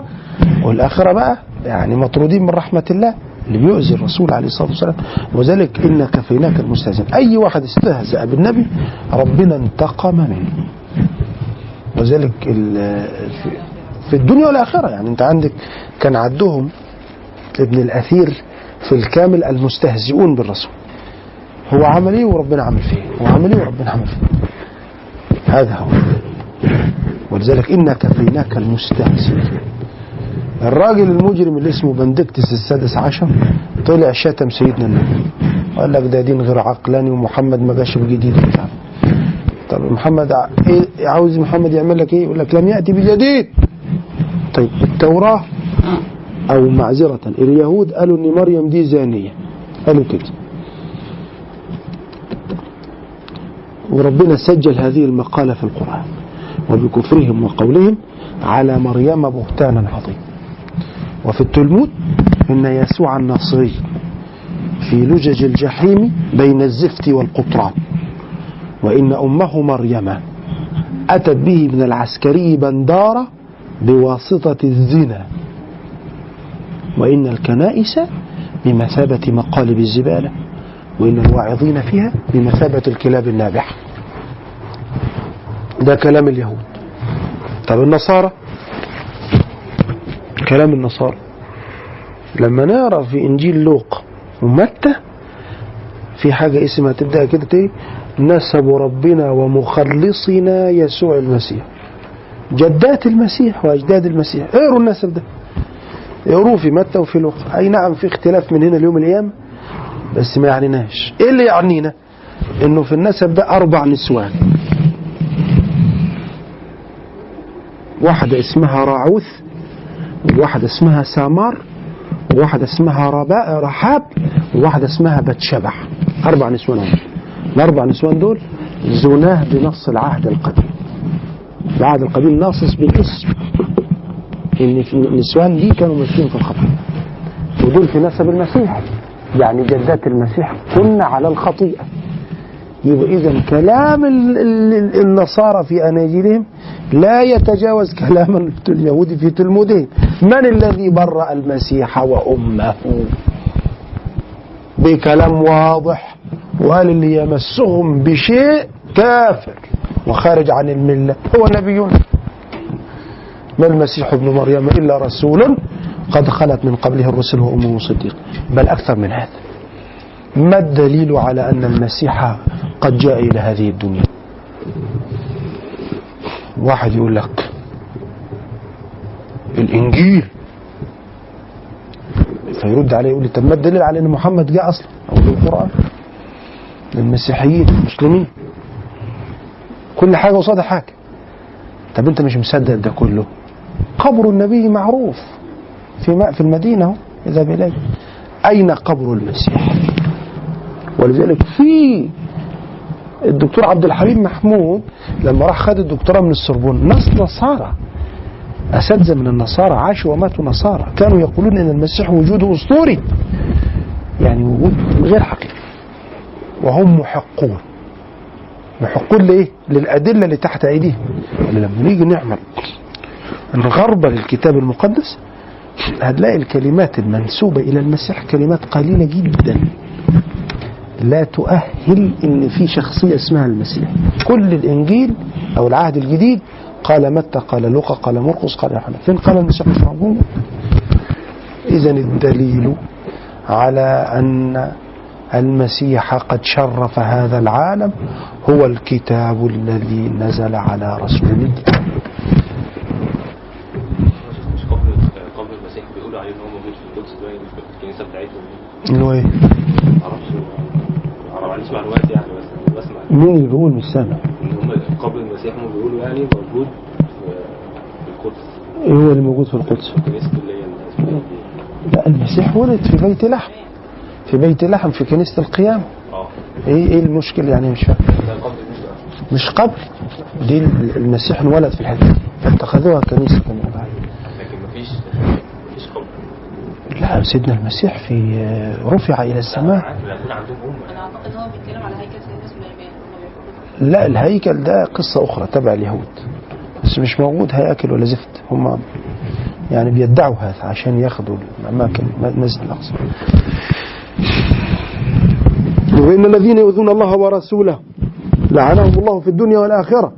المهم البابا بنتكتس السادس عشر أبوهم ده لما أساء إلى مولانا رسول الله ربنا خلعه من مكانه. لم تحدث مع قس مع بطرك قبله. أول مرة يتخلع من مكانه كده. لما بيرلسكوني قال لك ده دين محمد ده دين متخلف. تاني يوم سفير إيطاليا في المملكة العربية السعودية يقول أشهد أن لا إله إلا الله محمد رسول الله. ان تسخروا منا. فانا نسخر منكم كما تسخرون. اذا إن الذين يؤذون الله ورسوله لعنهم الله في الدنيا والآخرة وعد لهم عذابا مهينا. والذين يؤذون المؤمنين والمؤمنات بغير ما اكتسبوا. بغير ما اكتسبوا يعني إيه؟ يعني بغير اسم أو جريمة ارتكبوه. ما هو لما لما حد يزني واجلده هو عشان هو اكتسب هذا الجرم فأنا بقيم عليه الحد. لما حد يسرق وأقطع إيده ما هو في أي أذى ولكن طبعا لجرم ارتكبه إنما الإيذاء لمجرد الإيذاء ده مصيبة. فقد احتمل بهتانا واثما مبينا.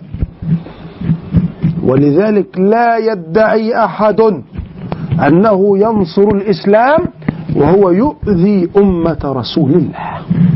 وذلك النبي عليه الصلاة والسلام دعا ودعوته مستجابة فقال اللهم من ولي من أمر أمتي شيئا فرفق بهم فارفق به.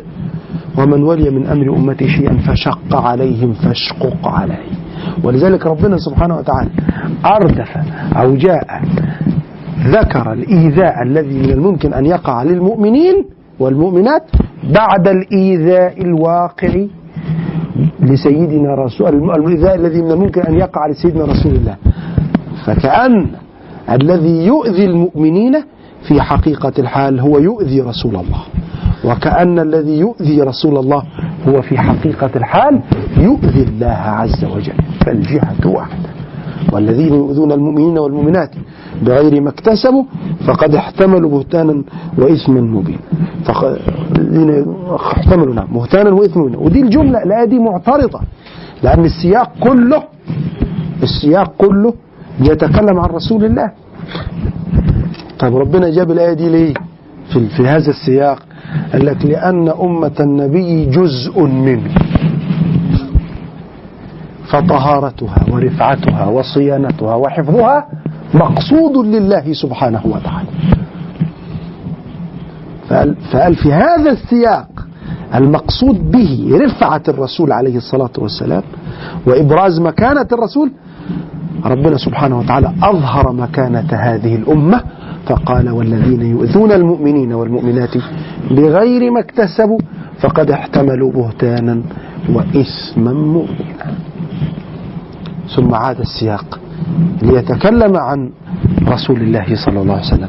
فقال يا أيها النبي قل لأزواجك وبناتك. طبعا أزواج النبي إحنا عدناهم وبنات النبي إحنا عدناهم ونساء المؤمنين يدنين عليهن من جلابيبهن.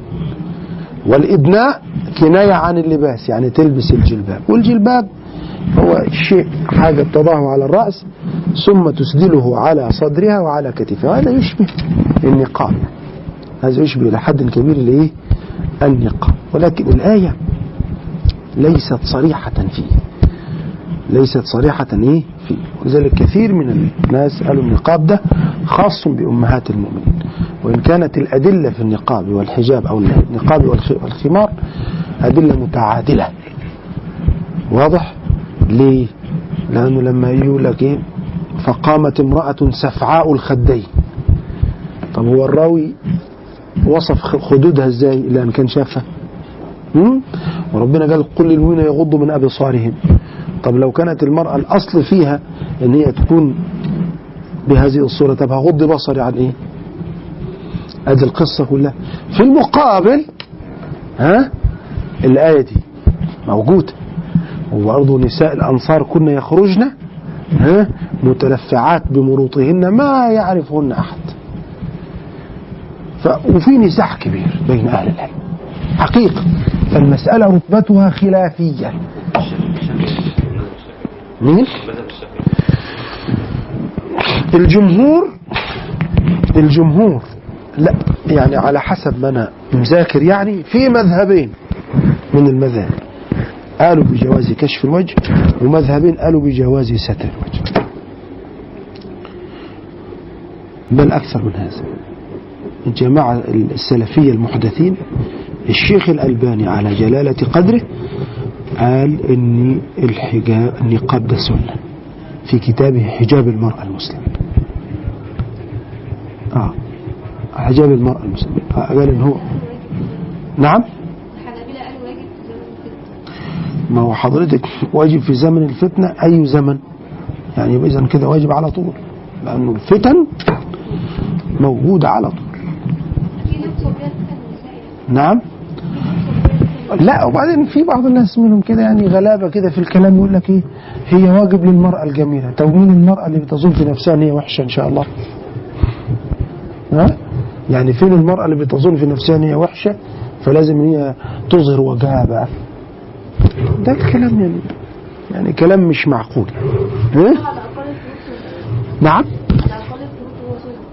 ما إحنا قلنا إن هو سنة أو فضيلة. ولذلك ما ينفع إن المرأة المنتقبة تنظر إلى المرأة المختمرة على أنها متبرجة. أو المرأة المتب... المختمرة تنظر على المرأة المنتقبة على أنها متزمتة. ده موجود وده موجود. وده لما ي... ده لما يؤيده ده له ما يؤيده. وإن كنت أنا ارى يعني أنا زوجتي منتقبة. ولكن بقول لها أنت تنتقبي آه ده أمر يرجع اليكي ولكن لازم وانت تعتقدي من الداخل إن ده سنة مش فرض. واضح؟ ليس فرضا. ليه؟ لأنه لو فرض للزم نساء الأمة. كلهن الآية خليقة لا ما هو حضرتك فرض على أمهات المؤمنين إزاي؟ قل لازواجك وبناتك ونساء المؤمنين. لا الآية الحجاب آه لا وإذا سالتموهن متاعا فاسالوهن من وراء حجاب، حجاب يعني حاجز مش مش النقاب. من الشغل مش ليس.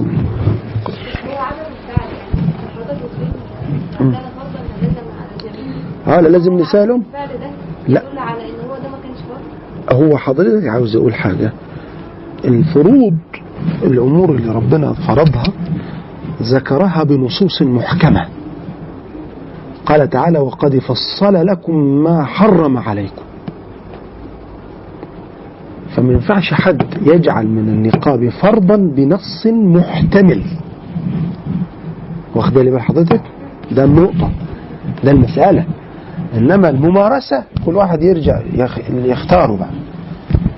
واحد عايزة تختار النقاب لها ذلك واحد عايزة تختار الخمار لها ذلك. إنما ال- الإشكال هنا في البعد النظري في المسألة مش البعد العملي إن المنتقبة ما تنظرش إن هذا النقاب فرض لأنه من البدعة أن أنزل السنة منزلة الفريضة أو أنزل الفريضة منزلة السنة أيضا هو فرض مذهبها وسنة الأحزاب. لا.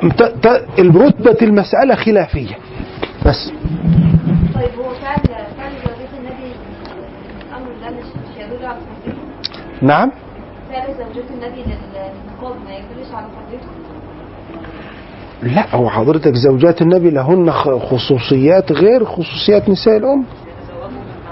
يعني وحضرتك ده حتى في السياق ده هو ده أمر خاص. يعني ما النساء الأم ما يجوزوش من بعد ايات الذكر اللي جت في القران كانت بتنص على يعني زوجات النبي بشكل خاص وبعد كده بنات المؤمنين نساء المؤمنين. ما هو طبعا حضرتك ال- النص بعد كده قال يدنين عليهن من جلابيبهن.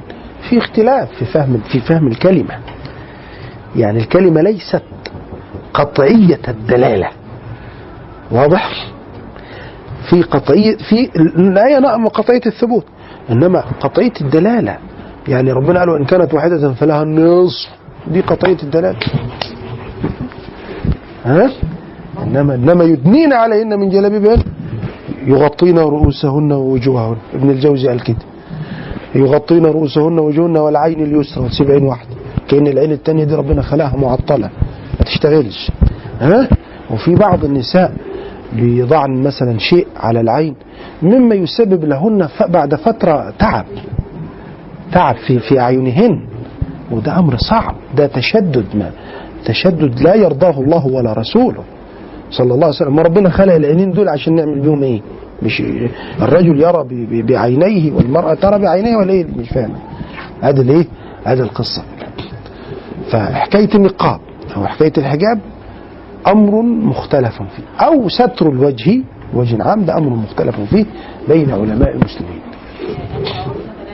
يعرفنا كوانت ولا يعرفنا لا ذلك أدنى أن يعرفن فلا يزين هذه الآية بإجماع المفسرين تقريبا للتفرقة بين الحرائر والإماء المرأة عندما تضع هذا الجلباب على رأسها لأن ال- الأمة بتكشف شيء من شعرها آه وتكشف شيء من إيه؟ من من من ذراعيها. فده عشان ما حدش فلما المرأة كانت تلبس هذا اللباس يقول لك دي حرة محدش يقرب منها. ذلك أدنى أن يعرفن فلا يؤذين إنما بهذه الصورة يبقى في تفرقة بين الإيماء والحزن. سيدنا عمر كان كان صارم في هذا. أي واحدة أما تتشبه بالحرة لا كان يمنعها من هذا الإيه؟ من هذا الأمر. ذلك أدنى أن يعرفن فلا إيه؟ فلا يؤذين فلما الواحدة تلبس هذا يقول لك والله لا دي حرة. عائلتها قبيلاتها كذا ف- فيمنع حتى لا تلاقي الشباب اللي بيقعدوا كده على الشوارع يعكسوا البنات وتعدي واحدة من يقول لك لا دي شيخ لا تعدي. ها؟ إنما التانيين أقول لك خلاص بقى يبدأوا ليه؟ الكلام مع الإيه؟ مع هذا معهم. ذلك أدنى أن يعرفنا فلا يؤذي ذلك. معركة الحجاب دي النهارده النهارده يا جماعة مش بنتكلم على النقاب والحجاب أو القاب والخمار النهارده بنتكلم على العري. على العري. مش النقاب ولا الخمار. ده يعني يا ريت كل النساء المسلمات يختمرن خلاص إنما القضية بتتكلم على العري ما يرى في شوارع المسلمين ده أمر مقزز متعب. بل أكثر من ذلك رأينا آه، حفلات يعلنوا آه، اللي هم رايات الشواذ. رايات الشواذ. أمر يستوجب السخط واللعن. ربنا ينزل عقوبته وسخطه ومقته على على على المجتمع. هذا هو. ولذلك من زمان جلادستون رئيس مجلس العموم البريطاني كان يقول كده لابد أن ننزع الحجاب من على وجه المرأة ونغطي به القرآن. نغطي به القرآن؟ آه موجود. موجود في كتاب لمحمد قطب كتب بس أنا لا أذكر اسمه. ممكن وقعنا المعاصر بس لو كان كتاب صغير كده قريته زمان وأنا في إعدادي. ها؟ ف من المعركة إن المرأة المسلمة تتعرى. ده المطلب. ده المطلب. فحصل هذا. ولذلك كان زمان إلى الحملة الفرنسية كان موجود البرقع. موجود جاءت الحملة الفرنسية فأصلت للعلمانية في البلد. فبدأت الأمور رويدا رويدا رويدا إلى أن حصل ما ولذلك كان يقول لك كده مزقي يا ابنة العراق الحجابة واسفري فالحياة تبغي انقلابا. لابد من السفور من إن المرأة يقول لك المرأة زهرة لابد أن تظهر ها؟ حتى يشمها الناس. وهي هي لا مؤاخذة المرأة دي كلأ مباح. هذه الحضارة ما تقدمه الحضارة الغربية حضارة العري. ولذلك هم أنفسهم الذين يدعون نساء المسلمين إلى أن يتعرين. طيب هل وجدتم صورة للسيدة العذراء عليها السلام؟ لأن إحنا لا نؤمن بهذه الصور. ولكن هل وجدتم صورة للسيدة وهي حاسرة الرأس؟ هم؟ طب ليه ما بيظهروها؟ ليه؟ يعني؟ يقول لك لا أنا عاوزة تكون قريبة لربنا. طب ما ربنا عاوز المرأة تكون قريبة منه بهذا بهذا الستر. ولذلك الرجل زمان قال قل للجميلة أرسلت أظفارها. إني لخوف كدت أمضي هاربا. تلاقي الواحدة مربية أظفارها قد كده. طب ليه؟ عشان إيه؟ في في حرب مثلا؟ إن المخالب للوحوش نخالها. فمتى رأينا للظباء مخالبا. بالأمس أنت قصصت شعرك غيلة. مرأة ربنا مزينها بشعرها. يوم تلاقي واحدة تيجي إيه؟ قص شعرها وماشية زي الرجل. بالأمس أنت قصصت شعرك غيلة. وأزحت عن وضع الطبيعة حاجبة وغدا نراك نقلت ثغرك للقفا وأزحت أنفك رغم أنفك جانبا. من علم الحسناء أن جمالها في أن تخالف خلقها وتجانبه إن الجمال من الإله رسمه إن تغير خط منه لم يكن صائبا. جمال من ربنا سبحانه وتعالى. لذلك كان في واحد من المشايخ بيدي محاضرة. فبنت لا الولد لابس بنطلون والبنت لابسه بنطلون. الولد لابس سلسلة والبنت لابسه سلسلة. الولد حلق شعره والبنت حلق شعرها فقال اقعد يا ابني. فالبنت بصت له بكت إزاي تقول لي يا ابني وأنا بنت؟ أنا معلش. إن البقرة تشابه علينا. وان إن شاء الله لمهتدون. أنا ما أعرفش لا ستي. ولذلك ما الذي اكتسبته المرأة من هذا؟ إيه اللي اكتسبته المرأة؟ أصبحت كلأ مباحا لكل من هب ودب الإسلام ده يجعل المرأة مستورة لأن المرأة الشأن فيها أن تكون مستورة. إنما يقول لك لا حرية المرأة ويطلع بقى المشايخ بعض المجرمين يقول لك لا الحجاب ده مش موجود في القرآن. المرأة تكشف شعرها مش موجود في القرآن. يفتي كده واحد صحفي مثلا يفتي يقعد يفتي للمسلمين هذا هو يعني دخلنا في مراحل بشعة من الهجوم على ثوابت الشريعة.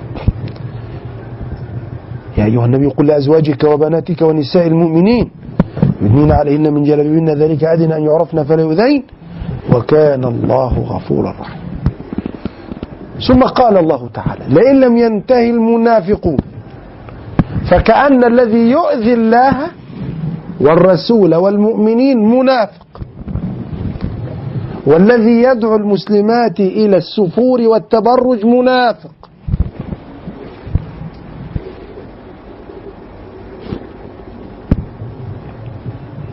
خدها كده على طول. اللي. اللي مش عاجبه الشريعة الإسلامية مش عاجبه شرائع الإسلام ده منافق. وذلك ربنا شوف الآيات في سورة النساء ربنا قال إيه بقى في سورة النساء؟ وإذا قيل لهم تعالوا إلى ما أنزل الله وإلى الرسول رأيت المنافقين يصدون عنك صدودا لا ده تخلف ده رجعية. هترجعونا لعصر الإبل؟ لعصر الجمل. والله يا ريتنا نرجع لعصر الإبل والجمل. كان في أدب واحترام. كان في محافظة. كانت المرأة ملكة متوجة. مصانة لا تظهر جمالها إلا لزوجها. هو ده الإسلام. أنا بتعجب والله. أنا أتعجب.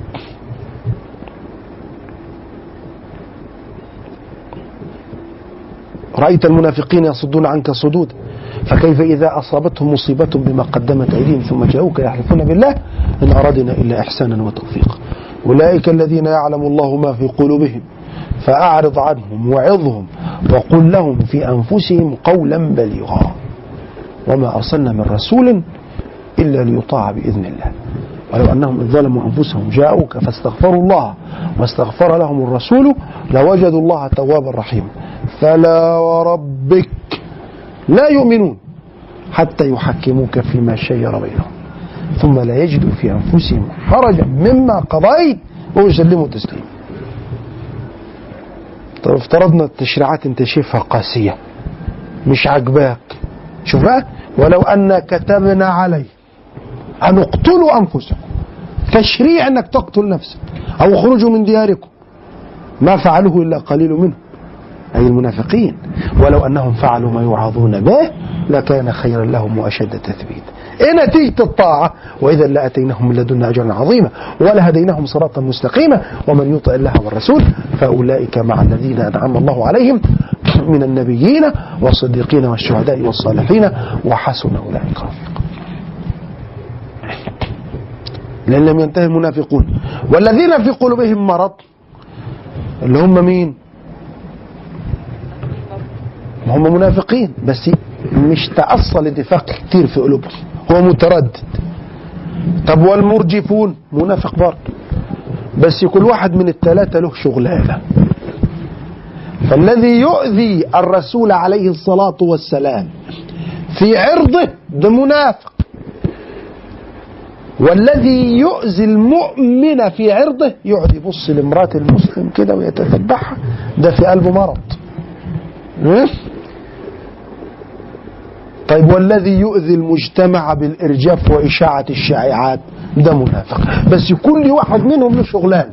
هم صنف واحد ولكن كل باعتبار. فلو توجه إيذاؤه إلى سيدنا النبي دي منافق صريح. وذلك ربنا قال في عبد الله بن سلول والذي تولى كبره منهم له عذاب عظيم. طب والذي يتوجه إلى المسلم في عرضه؟ ده في قلبه مرض والذي يتوجه إلى المجتمع ككل ده إيه؟ مرجف. طيب إيه بقى؟ هنعمل هنقول لك إيه؟ لئن لم ينتهي المنافقون والذين في قلوبهم مرض والمرجفون في المدينة طبعا هم اللي هم إيه؟ الجماعة اللي هم تجار الشائعات. اللي ربنا قال عنهم في سورة النساء؟ وإذا جاءهم أمر من الأمن أو الخوف أذاعوا به. ولو ردوه إلى الرسول وإلى أولي الأمر منهم لعلمه الذين يستنبطونه منهم. ولولا فضل الله عليكم ورحمته لاتبعتم الشيطان إلا قليلا. لولا إن ربنا متفضل علينا ورحمنا ومثبت قلوبنا كنا مشينا وراء المنافقين حذو القذة بالقذة والنعل بالنعل. لولا تثبيت الله وفضل الله سبحانه وتعالى. ولذلك ربنا في في المنافقين وفيكم سماعون لهم. مش سامعون أو يسمعون ده سماعون بيتلذذ بالسماع للمنافقين. قلبه كده بي بي بيرفرف كده لما بيسمع المنافق. ها؟ بيحس إن هو حاجة ناقصاه لو ما سمعش المنافق. لأن ربنا قال وفيكم سماعون. ده في حادثه الإفك. أنا بتعجب.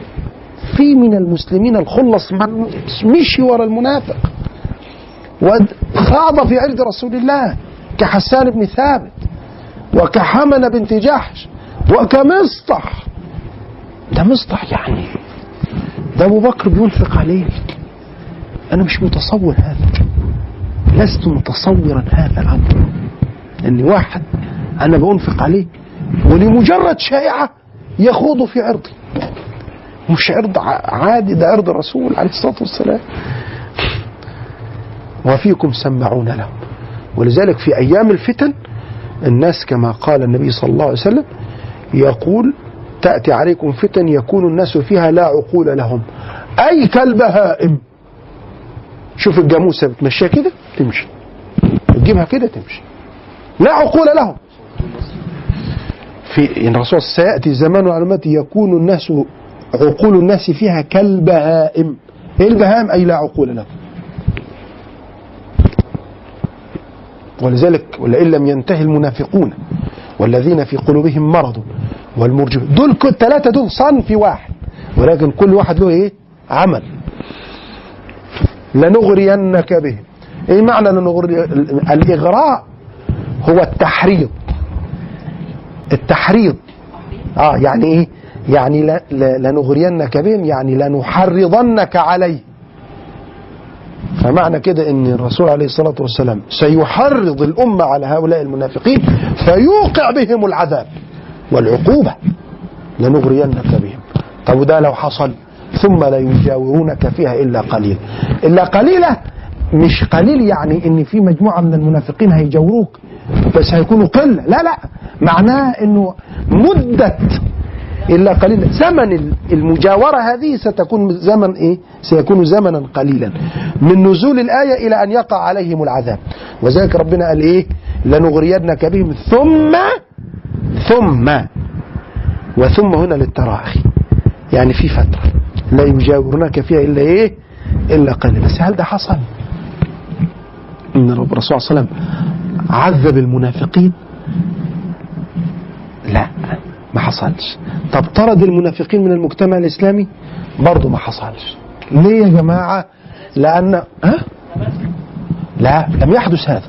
لأن مجرد أن نزلت الآية كانت وعيدا شديدا. وكانت كافية لأن تزجر المنافقين من ألا يؤذوا الله والرسول والمؤمنين فانقطعوا عن الإيذاء ومن ثم انقطعت عنهم العقوبة.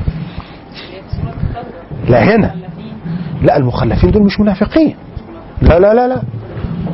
المخلفون الثلاثة الذين خلفوا دول مش منافقين. آه. هذه القصة كلها. إنما المجموعة الثانية من المنافق آه الرسول ما طردهمش من المدينة. برضه. بس الحاصل في الموضوع لأنه دي حكمة. لأن الرسول لو طردهم كنت أي واحد يكون بيده السلطان يدعي أن أنت من المنافقين ويطردك. إنما الرسول ما عملش كده رغم أن عنده أن عنده علما يقينيا من الوحي بس لم يفعل هذا. بس وجود هذه الآية بهذا الخطاب الحاد لئن واللام هنا موطئة للقسم أي والله لئن لم ينتهي المنافقون والذين في قلوبهم مرض لنغرينك والمرجفون في المدينة لنغرينك بهم لنغرينك بهم أي لنحرضنك عليهم فتوقع بهم العذاب ثم لا يجاورونك فيها إلا قليلا. هيمكثون في المدينة فترة قليلة ثم ينقشعون ويذهبون ولكن هذا لم يحدث. لما لم يحدث؟ لأن الآية وهذا الوعيد الشديد كان كافيا في ردهم وزجرهم وإبعادهم. عن إيذاء المسلمين ثم لا يجاورونك فيها إلا قليلا. ملعونين أي هؤلاء الذين يفعلون هذا؟ واللعن هو الطرد والنبذ والإبعاد عن رحمة الله. أينما ثقفوا هنا بقى أينما ثقفوا معنى ثقفوا أينما تمكنت منه. لأنه من ثقف الشيء إذا حزقته وتمكنت به. تمكنت منه وأتيت على أطرافه. ملعونين أينما ثقفوا أخذوا وقتلوا تقتيلا. يبقى إذا لما المنافق يسمع الآية دي يقول لك لا يا عم لأنه أحرص الناس على حياته زي اليهود. مش علاقة بالموضوع؟ أخذوا وقتلوا تقتيلا هنا تأكد التقتيل بالمصدر معناه تقتيل شديد. وخذوا وتقتلوا تقتيل. اللي بيحصل ده بقى إيه؟ سنة الله في الذين خلوا من قبل. ده قانون إلهي. أي حد يتعرض للأنبياء وللصالحين ربنا سبحانه وتعالى بينتقم منه. شوفوا بقى الناس السابقين. سواء السابقين أو سواء ما حصل مع رسول الله صلى الله عليه وسلم نفسه عندما آذاه بعض الناس فانتقم الله عز وجل بنفسه منه. سنة الله في الذين خلوا من قبل ولن تجد لسنة الله تبديلا. ده قانون إلهي إن ربنا سبحانه وتعالى لابد أن ينتقم من الظالمين لصالح المؤمنين ولذلك ممكن الإنسان ينهزم حضاريا في بعض فترات الضعف التي تمر بالأمة. فربنا يقول لنا إيه؟ ولقد كتبنا في الزبور من بعد الذكر أن الأرض يرثها عبادي الصالحين. صالحين مين؟ كل المعطيات الموجودة الآن بتقول إن البقاء للأقوى. اللي مع السلاح هو الأقوى. إنما ربنا قال غير كده. البقاء للأتقى. صاحب القوة والقدر قال كده ولقد كتبنا في الزبور من بعد الذكر أن الأرض يرثها عبادي الصالحون. إن في هذا لبلاغا لقوم عابدين. كل العابدين الصالحين في الأرض يعلموا أن ال... ال... الذي سيرث الأرض ومن. الذي سيرث الأرض الصالح سنة الله في الذين خلوا من قبل ولن تجد لسنة الله تبديلا. هذا والله أعلم. وصلى الله وسلم. نعم. الإيذاء يعني آه أزاء كل واحد اللي بيعمل حاجة ينتهي عنه. الذي يؤذي الرسول الذي يؤذي المؤمنين الذي يتتبع العورات. الذي يشيع الفاحشة يشيع الإرجاف في كذا كل واحد ينتهي. وذلك لما جاء نزلت الآية بهذه اللهجة الشديدة كان ذلك كافيا في أن يرتدع المنافقون. فسكتوا. ومن ثم لم تحصل لهم هذه العقوبة. وهذا من رحمة الله.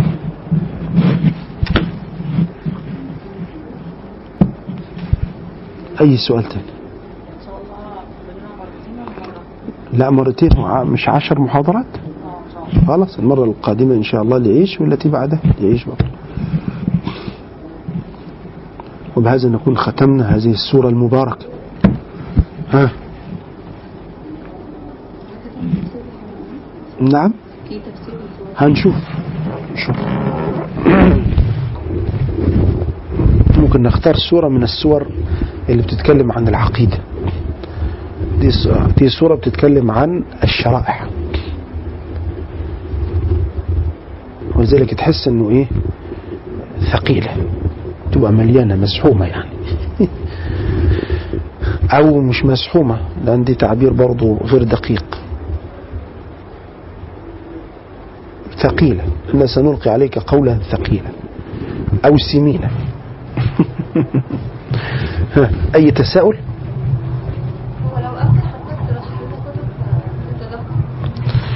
والله عاوزين نبقى نعمل دورة عن قواعد التدبر.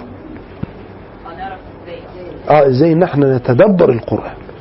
ففي كتاب للشيخ آه، ابن حبنكة الميداني اسمه قواعد التدبر الأمثل للقرآن الكريم. قواعد التدبر الأمثل. تعيش بقى مع الآية وال- والقاعدة دي تبقى الإنسان عارفها ويطبقها هو إيه؟ ونضرب لها بعض الأمثلة من ال- القرآن وبعد كده نطبق هذه الإيه؟ القواعد. هو الكتاب بيدرس بيدرس يعني هو مثلا بيجيب مثلا بيتكلم على قاعدة الصورة أو كده. أنا أقصد حاجة تبقى هم. حاجة تطبيقية يعني حاجة تبقى الكتاب نفسه فيه مثلا روحانيات أو آه آه في كل حاجة. بيجيب القاعدة ويجيب تطبيقات عليها في كذا آية. يعني أديكم مثال؟ يعني يقول لك في في قاعدة أن الإنسان لابد أن يفهم الآية في سياقها التي نزلت فيه. نزلت في بم- لا في في ترتيبها القرآن. يعني إيه؟ يعني ربنا قال و آه، قل أنبئكم بخير من ذلكم للذين اتقوا عند ربهم جنات. أصل الكلام جنات للذين اتقوا. فأنا ما أفهمش الآية بجنات للذين اتقوا. لا أفهمها الأول بترتيب القرآن لها. أفهمها للذين اتقوا عند ربهم جنات. وبعدين بعد كده أقول لا ده في تقديم وتأخير. مش أقدم وآخر الأول وبعد كده أفهم. لا أفهم الأول وبعدين أعرف إيه التقديم والتأخير. أديكم مثال. ربنا قال في القرآن الكريم لكل لكل أجل كتاب. الشيخ الفراء أو الإمام الفراء قال لك لا الأصل لكل كتاب أجل. عكس. طب نيجي نشوف كلام الله وكلام الفراء. الفراء قال لكل أجل ربنا قال لكل أجل كتاب. يعني إيه؟ يعني كل حاجة تحصل في الأرض الأجل المحدد لها مكتوبة عند ربنا. كده؟ مكتوبة. يبقى ده المعنى. يبقى أنا فهمتها أهي. في سياقها اللي ربنا نزله في ترتيبها اللي ربنا نزله. إنما لما نيجي نفهمها زي ما قال الفراء لكل كتاب أجل معناها أن كل مكتوب في عالم الغيب لا بد أن يظهر وهذا لا يجوز. لأن هناك معلومات إلهية إلهية لم يشأ الله أن يطلعنا عليها مش هنس- لا معلومات إلهية خاصة به بذات الله عز وجل. ما نعرفهاش. فلو بدلنا ترتيب الآية زي ما قال الإمام الفراء لكل كتاب أجل إذا كل مكتوب في اللوح المحفوظ لا بد أن يظهر وهذا غير صحيح لأن هناك معلومات إلهية استأثر الله تعالى بعلمها لن يظهرها الله تعالى لأحد. في بعض المعلومات ربنا استأثر بعلمها سيظهرها يوم القيامة لسيدنا النبي. وذلك في حديث الشفاعة فيفتح الله علي من المحامد ما لم يفتحه على بشر قبلي. يبقى إذا الفتح ده ما كانش النبي عارفه في الدنيا. سيعرفه يوم الإيه؟ سيعرفه يوم القيامة. واضح هذه النقطة؟ يبقى إذا ده قاعدة من قواعد التدبر. إن أنا أفهم الآية وفق كما نزلت وبعد كده أعرف التقديم والتأخير. مش أقدم. مش أقدم. وأخر وبعد كده أفهم. لا أفهم غلط. واضح هذه النقطة؟ دي من قواعد التدبر الأمثل لكتاب الله عز وجل. ها تفضل. آه. آه. قال أذى بالقول أو بالفعل. ما ينفعش يأذن لا أذن المسلم بالغيبة. لا أذن المؤمن بأن أنا أتكلم ما, ما, يؤذيه ما يتعب نفسه. لذلك إحنا يعني الآية دي لو إحنا ملتزمين بيها مش تلاقي تلاقي المجتمع ده مجتمع ملائكي. ما ينفعش حد يؤذي حد. ولذلك الرسول صلى الله عليه وسلم قال من أشار لأخيه بحديد. من بعيد كده عملت كده. لعنته الملائكة حتى ينتهي. لعند لما يرجع. هو في محل اللعن. لعند لما ينتهي يخلص طب اللي بيضربه بقى بحديدة اللي بيعذبه بحديدة. وصل اللهم وسلم وبارك على سيدنا مولانا محمد وعلى آله وصحبه وسلم.